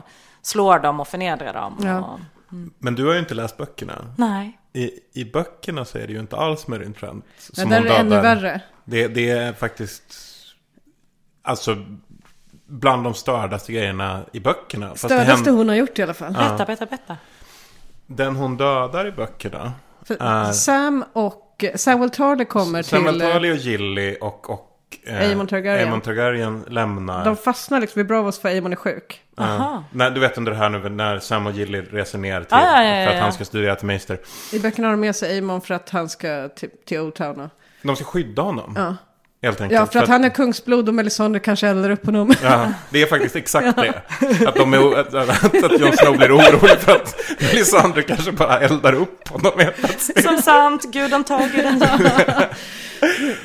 Men de hamnar i alla fall i Bravos. Där dör Och de har med sig några, ett par till då från Nattens. De har med sig en, en, en trubadur. De har med För sig en trubadur de, som- John som- tänker så här, det här är kommunikation på hög nivå. John tänker så här, Nu är det jag skickar med, skickar med en trubadur som kan sjunga sånger om hur gött att vara med Nattens väktare och värva folk på vägen. Ja, men jag orkar inte. Är det sant? Mm. I alla fall.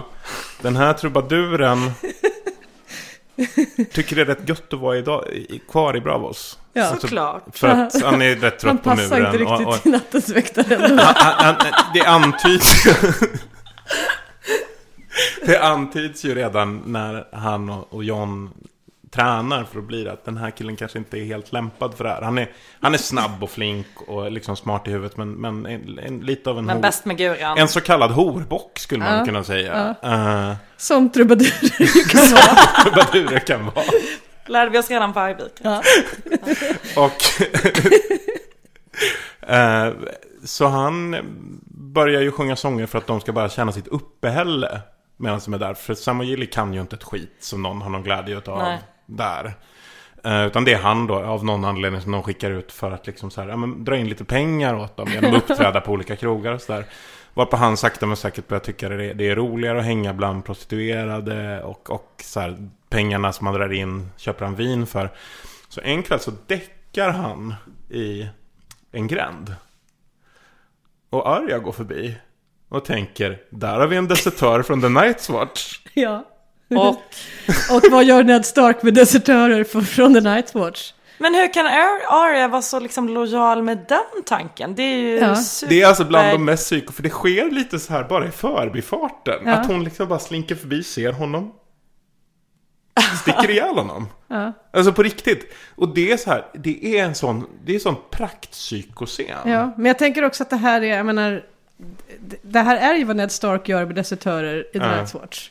Eh, hon vet att det här är det straff som ska utdelas. Jag tänker att det är Ned som ekar i henne här. Mm. Det är hennes gamla Stark-moral som, som kommer. Hon Ja bara, men det är långsökt. För jag Ja. menar, så som det är i tv-serien så håller det ju ändå ihop. Ja, då är det liksom. helt rimligt. Listan Och man, och man är ju liksom- verkligen för avrättningen av Marion Trent. Det är ju ingen tvekan om det. Nej, nej, nej, nej, nej. Och man, han spelas ju också ut som ett så här supersvin, Ja. verkligen. Eh, inte bara så här, jag är en trubadur, jag är i Bravos, det känns ganska bra, dricker lite vin, spelar några sånger. Ja. Nej, Darion är, det, det är en väldigt märklig. Han är ju ett, ett as alltså, Ja, men ja, inte det- värd att dö. Alltså inte så, så svinig är han ju inte. Nej, nej, det kan man inte säga. Han har ju övergett de andra. Ja. Här. Det är väl det. Men det vet ju inte Arya om heller. Ja men hon vet ju, hon har ju hört en diskussion inne på krogen. Han sitter och skryter om det. Så att hon vet ju att han har... Men också så här, om man är, om man är trubadur från liksom muren och har varit tvungen och liksom hänga där och leva det livet och sen så, så får man liksom åka ner till Bravos som verkar vara ett ganska gött ställe att hänga på Långt ifrån iszombies. Alltså superlångt ifrån iszombies och också stränga liksom regler. Ens kompetens som trubadur kan komma till sin rätt. Ja, alltså det måste också kännas lite skissigt för honom varför han måste hänga med Sam och Gilly och ha liksom Ja. ändå. Ja. ja, men han är väl förmodligen dömd till muren bara. Och att det är därför Ja, han är det, där. det har är ju för att han själv hävdar att han blev förförd utav en adelsmans dotter. Oh well. Ja, Eh, säkert. Har man hört det förut? Hon- Vad är det han säger? Att han, hon stod naken och ropade in honom i ett rum. Ja, okej. Eh, Gud vad killar kan hitta på. Ja. Men eh, jo, men sen så hon sviker sitt uppdrag där. Det, det är där hon blir straffad för att bli blind. Marion Trent, tv-serien och Dario Mm. då, i, Dario, vad heter han? Heter han Dario? Darion. Da, Darion så heter han. Mm. Eh, och, sen, eh, och sen så får hon sitt nästa uppdrag som är att döda Lady Crane. eh, i den här teaterensemblen. Mm. Men det här tycker jag, här är typ en av de finaste pieces of writing tycker jag i historien. Eh, att de har skrivit in den här pjäsen. I, eh, så att det kommer en pjäs som handlar om säsong 1 till 3 i princip. Men i någon slags propagandistisk Lannister-version. Där eh, Joffrey är underbar, Cersei är underbar, Ned Stark är en idiot, Tyrion är en ondskefull mördare och så vidare. Men är inte det då man får se hur vanligt folk på något sätt upplever Ja, det som har hänt? exakt. Så här, nu får vi äntligen veta hur den här historien berättas Mm. i, eh, i de sju kungarikena och uppenbarligen också på andra sidan havet. Mm.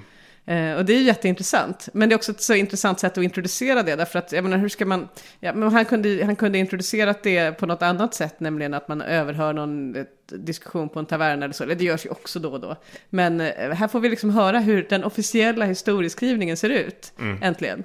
Eh, och eh, också på ett väldigt underhållande sätt såklart. För det är, det, är en, det är en solid uppsättning här de gör. Den är ganska bra. Ja men alltså pjäsen är ju typ ganska bra. Ja. Alltså lite för farsartad för eh, Man alltså tänker sig att det är det som går hem. smak. Ja. Ja, men, alltså, mycket exakt. buskis. Ja. ja, supermycket buskis och pruttande och så Ja. vidare. Men sen ändå så här bra rimmat Ja. och liksom eh, på så här fin versfot och Ja, liksom. verkligen. eh, Så här, ja. Ja, den är välskriven. Ja. Eh, men och då så, här tycker jag det är lite konstigt. Här har jag lite svårt att förstå eh, Arya faktiskt. För att hon, hon, hon får ju det här tydliga uppdraget. Eh, hon har ju då blivit skolad väldigt länge. Hon vet att hon inte har några fler chanser. Eh, hon ska bara döda den här personen och så gör hon inte det för hon tycker att det är en skön eh, person. Bara, Mm. det här, ja, men jag gillar henne så då tänker jag inte göra det. Och hon är väl inte så jävla sympatisk egentligen? Nej, det är väl ingen, hon är väl inte världens bästa. Alltså, jag, menar, jag gillar också henne, men jag menar, det finns väl ingenting som, som är så, här, typ, så viktigt att, att Arya ska liksom gå den, den här vägen, tänker Nej, men jag. hon, Och är, hon är ju inte någon som så här... Arya kan liksom så här sätta blicken i jackan och säga Hörru du, hon är faktiskt jävligt schysst. Nej. För att hon är ju inte det. Hon, hon berättar det själv. Hon är svartsjuk. Hon har stuckit kniven i flera av sina äkta män. Hon Ja. har alltid sökt sig till dåliga killar. Alltså, Ja. så här som hon ja, har satt en dolk i lite titt Men hon är väl mest en vanlig människa Ja, tänker jag. Men, men av Men kött menar, och blod. varför skulle Arya bli mördare då om hon inte är beredd att mörda vanliga människor? Det är ju, det är konstigt, hon måste ju ha tänkt igenom det här tidigare. Men inte nog med att hon gör det, hon avslöjar ju också mörd, den som har beställt mordet Mm. i samma ögonblick. Vilket ju är en dödsdom mot den i princip. Så det tycker jag också är lite konstigt gjort. Plus att jag tycker att hon har lite dåligt på fötterna med att peka ut den uh, Ja. Sansa-skådisen för Ja. att vara den som beställer mordet. Ja. Att hon är svartsjuk för att eh, den här andra kvinnan har en bättre roll i pjäsen är ju inte detsamma som att här, beställa en hitman. Det känns inte som att hon vet med säkerhet att det förhåller sig så. Och vad Lady Crane gör i det här läget är att hon kuttar ju den här tjejen i ansiktet. Så Ja. att hon aldrig mer kan bli skådis. Så är det. Så att- Nej men det är en uh, jättekonstig händelseutveckling. Man får väl tänka sig att eh, så här, Arya är på god väg att bli no one. Men Ja. genom att så här, se sin far förlöjligas Ja. på scen och liksom framställas som en bondlurk så får Mm. hon liksom kontakt med Mm. så här, Stark i Mm. sig själv igen. Och då Hon måste stå och hon... titta på den här kväll efter kväll. Precis, och då inser hon att så här, nej men jag är ju inte no one. Jag är ju Arya Stark. Ja. Och en annan sak som Precis, ändå det är egentligen också... det beslutet hon fattar. Hon fattar Mm. inte beslutet om att Lady Crane är så toppen, utan Nej. hon fattar beslutet att hon Jag är, in- Arya Stark. Exakt. Så är det ju. Och sen så, så jag menar, som vi har ju pratat om, Arya dödar ju eh, mer än gärna höll jag på att säga, det vet vi ju inget om. Men hon, hon dödar ju en massa personer. Eh, men hon gör ju det nästan alltid, va, i alla fall, med motiv. Ja. Alltså hämndmotivet är ju jättestarkt hos henne, eller Överlevnadsmotiv. överlevnadsmotiv eller så. Men att bara gå in och liksom döda en person som hon inte... Hon frågar ju också Jacken vid något tillfälle varför ska, varför ska hon dö? Ja. Och han svarar väl något i stil med att så här, men så är det bara. Ja, så vi ifrågasätter inte sånt. Nej, utan det har liksom Gud bestämt Mm. och nu är det så och ett, ett liv för ett liv och så är det med det. Och är du no one så spelar det heller ingen roll. Nej. Men, men det, det, det är en väldigt konstig religion.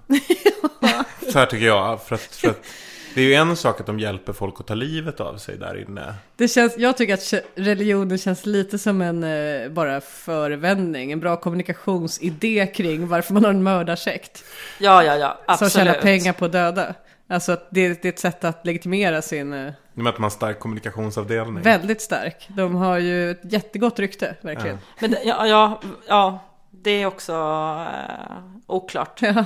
för en själv. Men, men, eh, men just det här med, liksom, med sekt, det, det är ju verkligen en sekt. Eh, och det tycker jag också är intressant vad som händer med Arya sen. Eh, att hon blir ju, hon drar ju och så vidare, men hon blir ju liksom aldrig fri från den tillvaron. Hon är ju ändå någon annan när hon kommer därifrån. Och rätt mycket mer psyko ändå. Ja. När hon liksom kommer tillbaka till Winterfell och drar runt med de här ansiktena i någon påse. Och eh, liksom, hon har ju så himla så här Ja. hård blick också Ja, på ett sätt liksom- som... Så jag tycker, här kan jag känna så himla mycket med Sansa, för Sansa har också gått igenom ett helvete minst sagt. Så kommer Men hon hon in på liksom- sin syrras rum och hittar en påse med ansikte. Ja, hon återförenas först med Bran.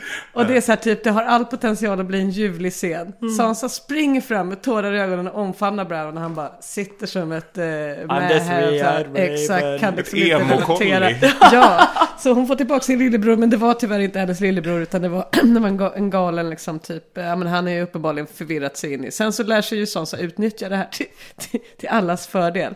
Men, och sen så kommer nästa härliga ögonblick när hon får tillbaka sin lilla syster som också blivit Blivit helt här, någon annan. och för Sansa har ju blivit ganska, jag menar, hon har ju förändrats, men hon har ju hon har förändrats väldigt mycket. Från att vara naiv till att bli eh, ja, en bra analytiker och kompetent ledare. Men hon har ju inte blivit psyko. Nej, hon går inte men hon och är ju- mumlar för sig själv. Nej. Nej, men hon har ju också blivit den som hon liksom alltid har varit menad att vara. Ja. Så här, Lady of Winterfell och liksom den som står där i någon liksom jätteflådig päls. Och ja, liksom... Snygga kläder, inspirerar sin omgivning. Exakt.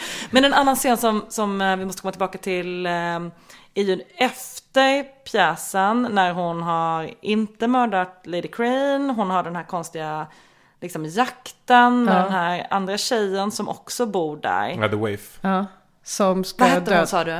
The Wife. The Waif. Waif, just The det. Waif. Ja. Ja. Eh, superosympatisk Ja. karaktär för övrigt. Ja. Men då kommer hon ju tillbaka till jacken. Och eh, Just det, den är underbar den har någon så här uppgörelse med honom. Eller liksom, Hon sätter upp The Waves ansikte. Ja, precis. Och så ser han det och sen står hon typ bakom honom. Mm. Och så här, Hon har hämtat sitt svärd Nida. ja, och liksom har någon typ av liksom förklaringsrit där. Så här, Ja. Jag är så här. Nej men han det, tycker han att säger hon så har blivit ja. någon. Precis. Finally, a girl is no one. A girl is Arya Stark of Winterfell. And I'm going home. Exakt. Och jag Det är ett rysögonblick, alltså, tycker jag. pff, Så starkt. Men jag är ändå, eh, ni kan få hjälpa mig att, att reda ut den repliken. Varför han tycker att hon är Varför värdig han nu. säger att så här, nu är du äntligen Noan. Ja. För det är hon ju inte. Hon har Nej. ju fattat helt egna beslut. Ja. Och gjort liksom något helt annat än, Ja. än det hon har blivit ombedd. Hon har liksom försuttit en chans till. Jag tror Han kanske är- bara uppskattar en slimmad organisation. Ja, nu Så har vi en kvar kan det de ju här. vara, men- Men... jag tror att han också, han, eh, han ägnar sig lite åt önsketänkande här. Han gillar Arya så mycket. Ja. Att han eh, inte vill förlora henne och han eh, gillade inte den här jobbiga tjejen Nej. så mycket. Nej. Så att han tycker att nu vart det ändå ganska bra resultatet av alltihopa. Och, Just det, vi två kan ju ändå, Ja, vi, kan, vi han- kan ju göra något här. Ja. Han kanske fattar att det inte är riktigt sant men han hoppas ändå att nu... Sen är han väl också lite imponerad av Arya. Ja. Där. Att hon har liksom ändå rätt ut den här situationen och det han framförallt bryr sig om, inte så mycket vem som dör, Utan utan, att- att... om ett mord är beställt då måste en person dö. Ja. Antingen den han har pekat på, eller någon annan. Ja, sådana är reglerna. Ja, sådana är reglerna. Och det har hon ju uppfyllt. Ja. Fast det är ju ändå... Jag tänker det måste vara dåligt ändå för The House of Black and Whites rykte. Ja, ja, ja man tycker det va? Att man beställer ett mord och så Drar någon helt annan. de tar. Någon har ju betalat dyrt ändå för den här beställningen.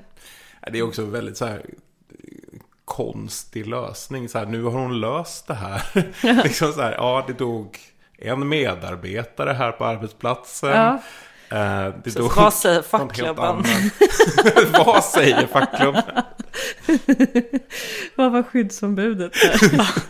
Det här tycker jag var väldigt irriterande i hela säsong eh, sju. När de försöker få oss att tro att eh, Sansa och Arya ska ryka ihop.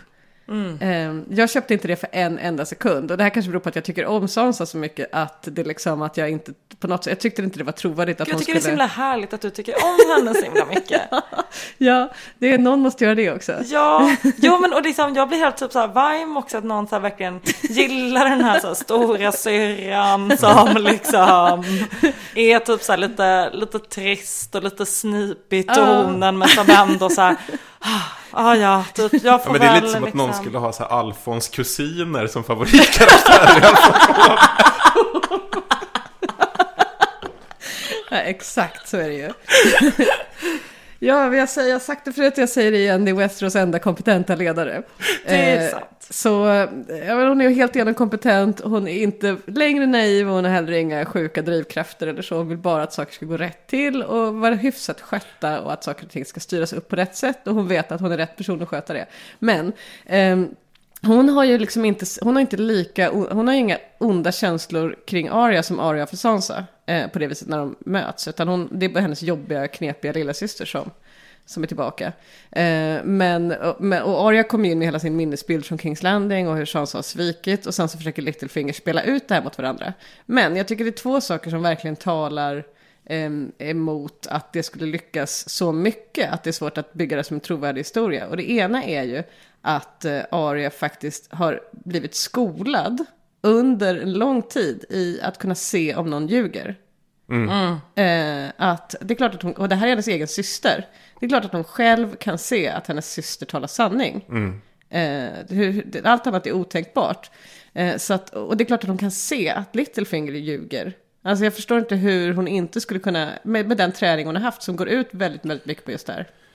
Alltså, det, det, här, det här är ju problemet med hela den säsongen egentligen. Att, Mm. att, att Sansa har ju liksom de här skvattgalna personerna omkring sig. Men som ser och hör allt. Mm. Hela tiden. Så Mm. att det är klart att ingen... Alltså, några gick runt och sa så här. Det enda egentligen som gjorde att det fanns någon sorts liksom läge av suspens kring det där. Mm. Är ju för att manuset är så illa skrivet. Mm. Att man liksom känner att nej, men lite vad fan som helst kan hända. Mest bara för att... För manusförfattarna kan lika gärna ha hittat på något tokigt. Ja. Just det. Ja men det stämmer ju. Men det känns, känns som helt, helt, skulle gått helt emot deras karaktär och deras kompetenser. Mm. Men, eh, vi, vi måste prata om när vintern kom till House Frey också. Ja. Men, Ja, men eh, eh, för att av, avrunda den här så tänker jag ändå att Bran, Sansa och Arya i sina dysfunktionella liksom, egenskaper och så vidare. Men nu ju, alltså i säsongsavslutningen på säsong 7, vilket superteam. Alltså Bran har tillgång till all information som finns. Någonsin. Han Sans- är internet. Sansa har vett att använda den och ställa rätt frågor. Mm. Eh, för det har ju inte, han, Bran vet ju inte vad han liksom ska leta efter ens en gång. Eh, och sen har man den här eh, liksom typ väpnade grenen, Arya Stark, som, eh, som helt enkelt är så eh, mäktig som, eh, som mördare och som så att säga, jag menar det är ju ett oslagbart team. Fan, det har du ju rätt i med Bran. Ja. Att vara internet innebär ju inte att man kan googla. Nej. Det har jag fan inte tänkt Han vet på. ju inte, det måste ju någon som Sam eller Sansa som ställer rätt fråga. Ja. Vad hände egentligen när, eh, när Ned vart avrättad? Vad, har Lit- Littlefinger eh, förrått oss? Mm. Och då vet ju han det. Alltså, han vet ju allt som Littlefinger har gjort för han vet allt. You conspired with Cersei Lannister and Joffrey Baratheon to betray our father Ned Stark. Thanks to your treachery, he was imprisoned and later executed on false charges of treason. Do you deny it? I deny it. None of you were there to see what happened. None of you knows the truth. You held a knife to his throat.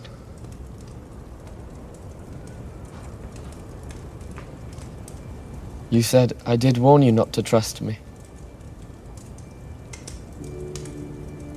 You told our mother this knife belonged to Tyrion Lannister. But that was another one of your lies. It was yours. Men med den informationen som Sansa nu har tillgång till genom att hon uppenbarligen har en hyfsad relation då med Bran Mm. och han säger åt henne vad hon behöver veta. Så tänker jag att det här är, alltså, och med sin syster. Mm. Så har ju det här teamet och med Sansa som ledare har ju en, en potential att göra vad sjutton de vill egentligen. Mm. Eh, vilket ju är spännande inför, här är en suspens jag skulle kunna tro på. Att Sansa kanske inte fullt ut litar på Jon och på Daenerys när de kommer tillbaks. Så det kan ju bli lite spännande. Och googla dem med Bran. Go- googla dem. Alltid ett bra tips. Få allt på dem. Men okej, eh, House Frey. When people ask you what happened here, tell them the North remembers. Tell them winter came for House Frey. Ja, det är ju en, det är en stark scen. Ja. Jag vet inte, den är ändå liksom, den är också, den är också väl genomförd. Jaha, verkligen. Den öppnar ju hela säsongen. Eller hur? Ja, så är det kanske. Ja. Nej, den avslutar säsongen och sen... Alltså det, Walder Freys död avslutar säsong 6. Är det så det är? Den avslutar hela säsongen? Walder Freys söners död inleder säsong 7. Just det, så är det. Eh, Just det, man, just det, för man blir så för, först, det tar några sekunder innan man kopplar. Mm. Säsong sju börjar, man ser Walder Frey sitta, man bara, men hon dödade ju honom och sen bara, ja just det, gjorde hon. hon har tagit hans face, så man bara sitter där och, eller för först tänker man, är det här en flashback? Eh, vilken konstig flashback, varför får en free flashback, ingen bryr sig om dem och så vidare. Nej. Eh, så att det är några sådana tankar som kom där först och sen bara, Just det. nu kommer det gå illa. Ja, alltså det här med att baka paj utav Freys. Det är ju Ja. någonting som händer i böckerna också. Fast i en helt annan Mm. scen. Ja, för då är det ju Wyman Manderley som, som gör det med två av de yngre Frey-barnen och serverar det till de Freys som är hos, hos Boltons helt Ja. enkelt. Och det, det är liksom aldrig riktigt ordentligt uttalat, eller? Nej, du, nej, du, nej, du läste det är om de här starkt, ja, det är starkt antytt bara. Ja. Eh, och det får heller ingen, eh, de, för de här scenerna bara försvinner ju. Mm. Och sen så är det mycket fast kring pajen som Manderley har fixat. Och så. Mm. Men det enda, det enda som jag tycker ändå är lite svagt med den där scenen är så här, varför gör Arya sig hela det här omaket också helt utan publik? Alltså för det hade ju varit en sak Ja. ifall hon liksom skulle liksom demonstrera Men hon eh, sparar ju förned- en. Sparar en? Hon sparar ju, hon har ju en publik. Nej, men, nej, nej, nej, alltså, det, det, jag, jag håller helt Ja, med med Nina. Jag, jag, pajen, jag med backar pajen, Nina ja. 100%. Ja, Varför ja. i helvete bakar hon en paj? Så styckar de, Ja. så här, håller på, bakar Ja, hon typ en beskriver ju paj. att det var besvärligt. Jo, för all del. Ja. Men, men nej, det skulle man kunna göra ifall så här, salen var så här full. Mm. Och liksom, hon ska liksom, ja, demonstrera Ja, det hela det här ögonblicket. mycket jobb för Men han sitter ju där en publik själv. som strax ska dö. Exakt.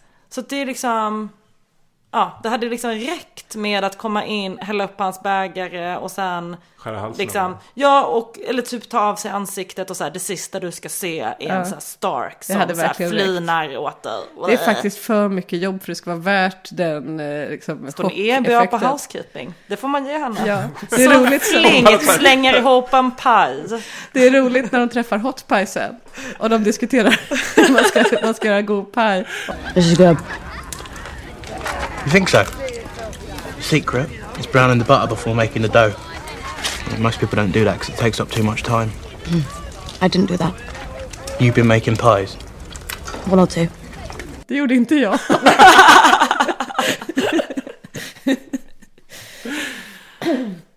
Ehm, ja, nej men den är ju, är en av de saker som är riktigt välskrivna efter att böckerna har liksom, Mm. eh, så är ändå den, trots, trots den här manusluckan i att det är för mycket besvär så är det ju det, replikerna där som de är skrivna är fantastiska. Ja, och även ifall man vet att hon kan liksom byta ansikten och att det kommer liksom en, en annan röst och allting med det. Ja. Så är man ju ändå som tittare så blir man ju ändå lite snedställd när det inte är Ja. hennes röst och hon. Så att man hänger ju inte, man är en halv sekund efter ändå och då kommer ju det här när hon liksom, ögonblicket för en själv. och det är ju ja, gött. Det är otroligt rysigt. Hon ska vara backslick också. Ja, det är en sån det. här powerfrisyr. Mm, mm. Det är lite intressant tycker jag. Jag vet Nej, inte varför jag tycker det, men jag tycker Hon att det är roligt att skaffat, hon bara så eh, hon har här... skaffat Neds gamla frisyr. Är det inte Åh, så? bra spaning. Det har de väl? Eller hur? Vadå, kör hon manband? Nej, nej, men Ned hade ju inte manband. Det är ju John. Ned hade ju backslick med någon slags, liksom bara liten tofs bak. här. en Beckham? Nej, han hade ju håret rakt bakåt och sen hade han fäst det med något spänne eller något liksom Mm. bak i. Det är ju typ det Arya har nu. Är det inte så? Jo. Ja.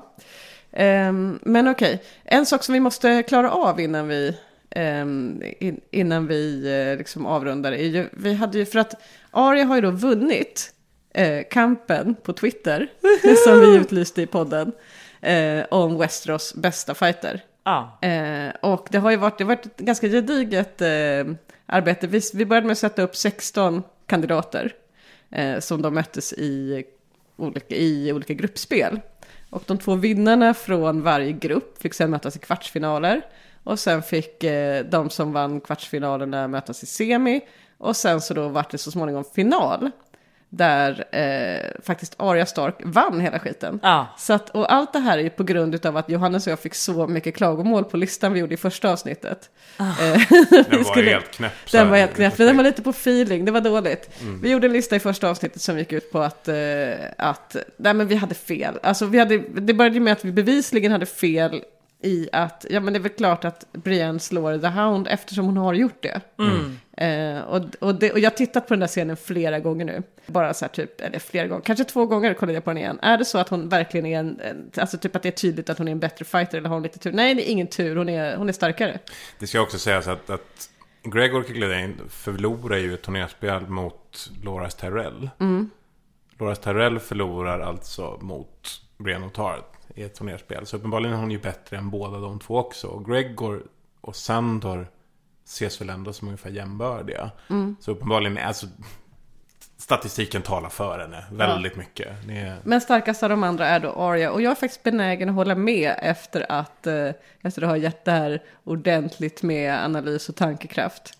För att, eh, dels för att, men man får ju se Brienne och Arya sparra på gården. Och där är det ju så att de det växlar vem som har övertaget. Men det är ju en svärdsfight utan tricks eller så. Det är ju en ren liksom, svärdkompetens. Ehm, jag tänker mig att eh, i, i en fight på liv och död så har ju Arya betydligt fler tricks än just svärdsdelen. En enorm verktygslåda får man ju säga. Ja. Ja. Eh, som Brienne aldrig skulle kunna förvänta sig. Men hon har ju mer råstyrka och det är ju många av de där liksom, fightersna som har det. Men det som är coolt med Arya som fighter är att hon, hon är ju liten och nött och går ju helt på teknik. Ja, och grejen är att hon och Bronn har ju vissa likheter i det. Mm. Alltså så här, ett, ett smalt svärd som går att sticka in mellan rustningsdelarna. Mm. Mm. Och sen, det var väl när, när det höll på att bli mellan henne och Jon Snow i final som det bara slog mig att nej, men han är ju chanslös. Mm. För att hon kommer ju slåss fult. Hon kommer slåss så jädra fult. Och han Ja, men det kan- var ju semi. Semi var ju mellan John och Arya. Ja. Och där vann ju hon omröstningen. Ja men det är självklart. Ja, Det ja. är Jag hörde att, eh, att det finns liksom kommentarer om att Arya haft tur med lottningen. Ja, I, eh, hon har haft lite tur med lottningen. Men å andra sidan, det beror väl lite på hur man... Eh, Men jag tror egentligen det bara är Bronn of the Backwater som han skulle ha någon som helst sportslig chans. För att han också slåss fult. I, alltså, I gruppspel så slog ju Arya Bronn. Mm. Eh, men då kom ju Bronn tvåa i sin grupp. Eh, och de andra i gruppen var Dario Naharis och Jorah Mormont. Så det var inte den starkaste gruppen. Men jag skulle nog hålla Jorah Mormont väldigt mycket högre än vad, än vad folk har gjort här. För han fick alltså bara 9% av rösterna. Men jag tycker det är fullt korrekt. Men, eh, men det är klart att alltså, i och med att Arya är med i den gruppen så är det klart att de andra slås ut rätt lätt. Hon, vann, hon fick 47% av rösterna i gruppspelet. Ehm, och John vann sin grupp med 48%. Brienne vann sin grupp med hela 61%. Och då var ändå Jamie Lannister med i samma grupp. Ja men här vill jag ändå. Här vill jag ändå lägga in en protest. Här, jo men du, du skrev till mig, till, till, till mig på Twitter om det här också, att det här var otroligt dåligt sidat av mig.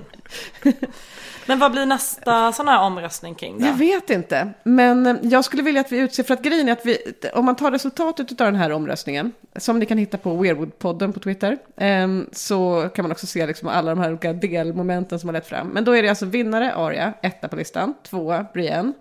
Eh, sen har vi bronset, går till Sandor Clegane, Mm. som... Eh, vadå? Du skakar på huvudet, det är Ja. väl helt rimligt, eller? Nej, jag tycker nog Jon Snow är en bättre fighter i, i det läget faktiskt. Alltså, det, det här är ju Jenny då som, som, som kanske pushade rätt hårt för Sandor. Ja, jag har ju opinionsbildat lite. Mm. Jag skilde ju på mina två olika konton här. Weirwood-podden har förhållit sig neu- neutral på Twitter. Medan jag då har kampanjat lite för Sandor. Jag har förhållit mig helt neutralt i hela omröstningen ska Ja. sägas. Men, eh, nej, men jag tyckte att folk underskattade honom. Men det var ju faktiskt i gruppspelet då. Jag har inte sagt något i den här eh, bronsmatchen. Men John fick 43% av rösterna och Sandor 57. Mm. Så att han är då brons och John är fjärde plats. Men det här lämnar utrymme, om vi, vi pratar om att det är en femlista, vilket jag tycker man bör göra, Mm. så ger det ju utrymme för oss att själva utse vem av de här som då ska ta femteplatsen. Hunden Tim i gänget alltså. Eh, för då är det ju ändå... Ja, men det kan ju vara...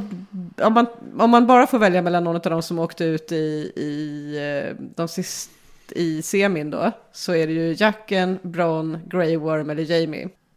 Alltså det måste ju vara jacken. Egentligen. Alltså i, i, i, i en krass fight ändå. För Man han, har inte sett honom så mycket, har man det?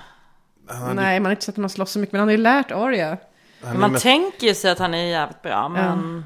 han är ju mest inne på att knuffa ner folk från Han kan ju döda folk eh, liksom. med liksom 100% säkerhet. Mm.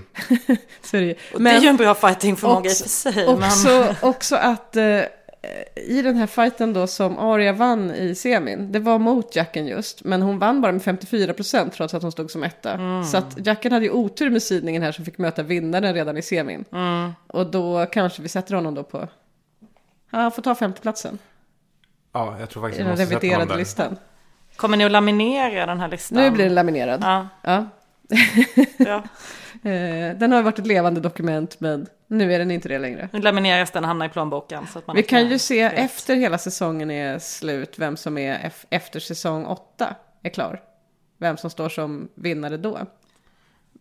Det är väl rimligt att ha liksom ett antal uppföljnings... Nu ska inte jag gå in och coacha hur ni ska rodda i podd här. Men Knyta det vore, väl, lite. ja, men det vore väl härligt att ha liksom en riktig fullängdare. Ja. Som liksom återkommer till ett antal punkter under liksom poddresans gång. Och Mm. också liksom eventuellt revidera listor som den här. Mm. Och, Mm. Se om vi fick rätt i våra förutsägelser och gissningar. ja men alltså, också. ja. Det vore ju kul.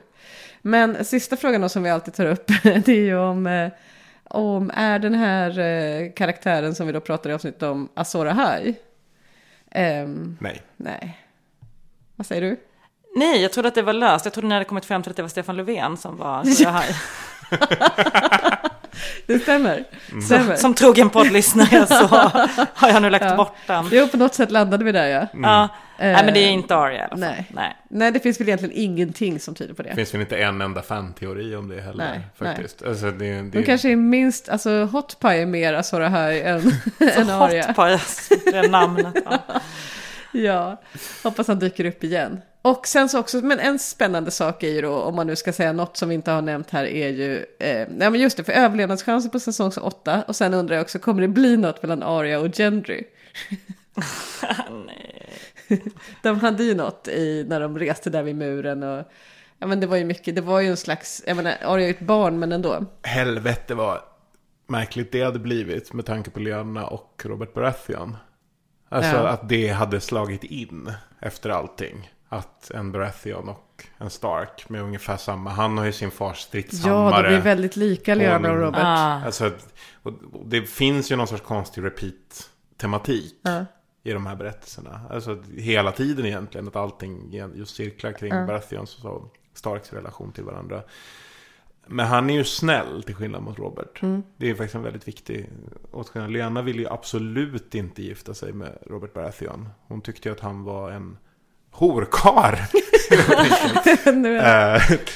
Eh, och och eh, Ned gick ju i god för honom och sa nej men han har blivit schysst nu. Det är lugnt. Han är cool. men, men Lyanna fattade att, så att så var ju inte fallet. Utan att det här skulle bli skitjobbigt om hon behövde gifta sig med honom. Och det var ju lite därför hon flydde med Rhaegar också. Men det är inte säkert hon hade rätt där, för Robert var ju kär i Lyanna också. Men han kanske, han kanske hade ändrat sig för henne. Jag får lite vibbar av att han är lite oförbätterlig Ja. faktiskt. Men jag skulle tycka att det var en rolig, eh, ett roligt tillägg ifall Arya fick någon typ av liksom sexualitet. Ja. Det tycker jag är lite trist att man börjar en karaktär som så här, här är en tomboy. Ja. Och då får man heller inte ha någon attraktivitet. Nej men exakt. Och eh, heller inte liksom någon typ av, eh, ja, varken sexualitet eller romantisk läggning. Nej. Men så är det ju i fem böckerna också. Att George har ju inte direkt någon sexualitet. Medan Annie är ju lite så här. Hon är ju väldigt mycket mer så här klassisk Har Martin läst fem böckerna Tony? Ja, det måste han ha gjort. Det är Starkbarn och fem böcker. Det här Nej, men måste alltså, vi gå Annie- vidare med. Stark teori att allt det här skissat på ju- fem böckerna. Annie och Julian är, är ju helt klart Lannisters i det här sammanhanget. Vet internet om det här Johannes? Att så här, fem böckerna har spelat en så stor roll i I mitt liv eller George R. Martins. Ja, Jag tänkte kanske det senare men Men det är väl omöjligt att han inte skulle ha läst fem böckerna. Litterära personer har väl läst dem i sin uppväxt. Ja, det, är väl all, det är väl kulturkanon. Ja, ja, det, det måste väl till och med Jan Björklund hålla med om. Det, Men eh, eh, en sista eh, grej då som skulle kunna... Jag tänker att om man kopplar ihop det här faktumet som, som de fastslog när de stod på den här fastfrusna ön efter att de skulle hämta en zombie och de stod bara och glodde på zombiearmén och så vidare och stod och småsnackade lite. Ja. Men då så lanserade de ju teorin om att man behöver bara döda en, nämligen honom. Ja. för, att, för att knäcka hela zombiearmén. Är inte en faceless assassin det perfekta för det? ska hon klä ut sig till en Hon White kan Walker? väl eh, liksom typ dra på sig, ja hon kan väl klä ut sig till en White Walker. Eller hon kan väl på något sätt, jag menar hon är ändå en eh, lönnmördare. Hon kan väl på något sätt nästla sig in och eh, bara sätta sin Valerian Steel Dagger som ju har spelat, det har ju spelats upp att den där daggern är väldigt, väldigt viktig. Mm. Eh, I hjärtat på The Night King. Apropå det, innan det är vi inte så lägger ner. dumt. Nej. Ja. Jag har en rättelse. Ja. Du sa att det fanns fyra eller Ja, fem valyriska svärd. helt fel, jag har kollat upp det efteråt. Det finns ju 200 stycken ungefär.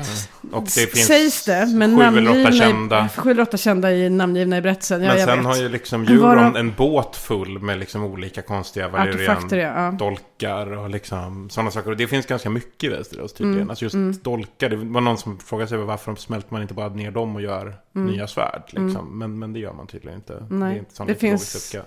Meisters-länkar i valyriskt stål. Och, Mm. jag har också kollat upp det där, jag, jag sa fullkomligt fel.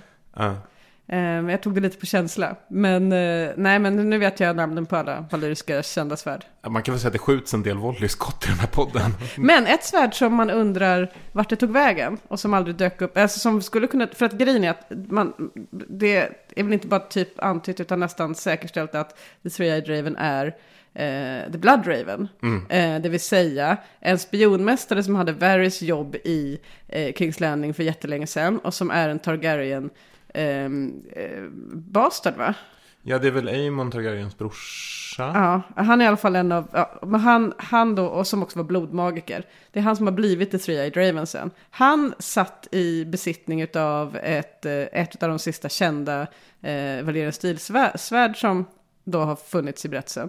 Och sen har ju han dragit och försvunnit och ingen vet vad han tog vägen. Men nu vet vi det, att han satt under det där trädet. Men vart tog svärdet vägen undrar man ju då. Det finns ju idéer om att det är det svärdet Mira eh, plockar upp inne i grottan. För hon Oh. tar ju upp ett svärd där när hon springer som Ja. är helt okommenterat. Och varför stod det bara ett svärd Just där? det, tänk om det är det svärdet. Vad är det inte? Sister Sorrow va? Jag kommer inte ihåg. Mm. Eh, men det vore ju fett. Wow. Ja. Men hörni... Nu måste vi verkligen sluta. Det här, det, vi- det här eh, vart långt. Mm. Vilket gott snack ändå. Ja, det är härligt. Men Jenny, Eh, vem är det som har gjort vår vignett? Som Ragn- är så fin, jag tycker så mycket om den. Heter han Ragnar Schön? Ja, det Bra. stämmer. Bra. Och om man vill kontakta oss så gör man det. Då mejlar man till, det, det är ingen som har gjort det än, Nej. kan jag bara säga. Så kanske bara kan, inte ens upp, nej men man kan mejla till eh, weirwoodpodden.gmail.com. Vi har fått noll mejl, vad jag vet. Jag har inte kollat nu, men. Eh, och eh, man kan eh, höra av sig till eh, oss på Twitter, vilket ju desto fler gör i offentlighet, skriver olika kommentarer och så. Eh, eller man kan likea våran, eller diskutera på vår Facebook-sida. Mm. Eh, och alltihopa heter Weirwoodpodden, så det är lätt att komma ihåg. Då var vi klara va? Mm. Tack för att jag fick komma hit. Tack för att du kom hit. Tack så mycket. If you think this has a happy ending, you haven't been paying attention.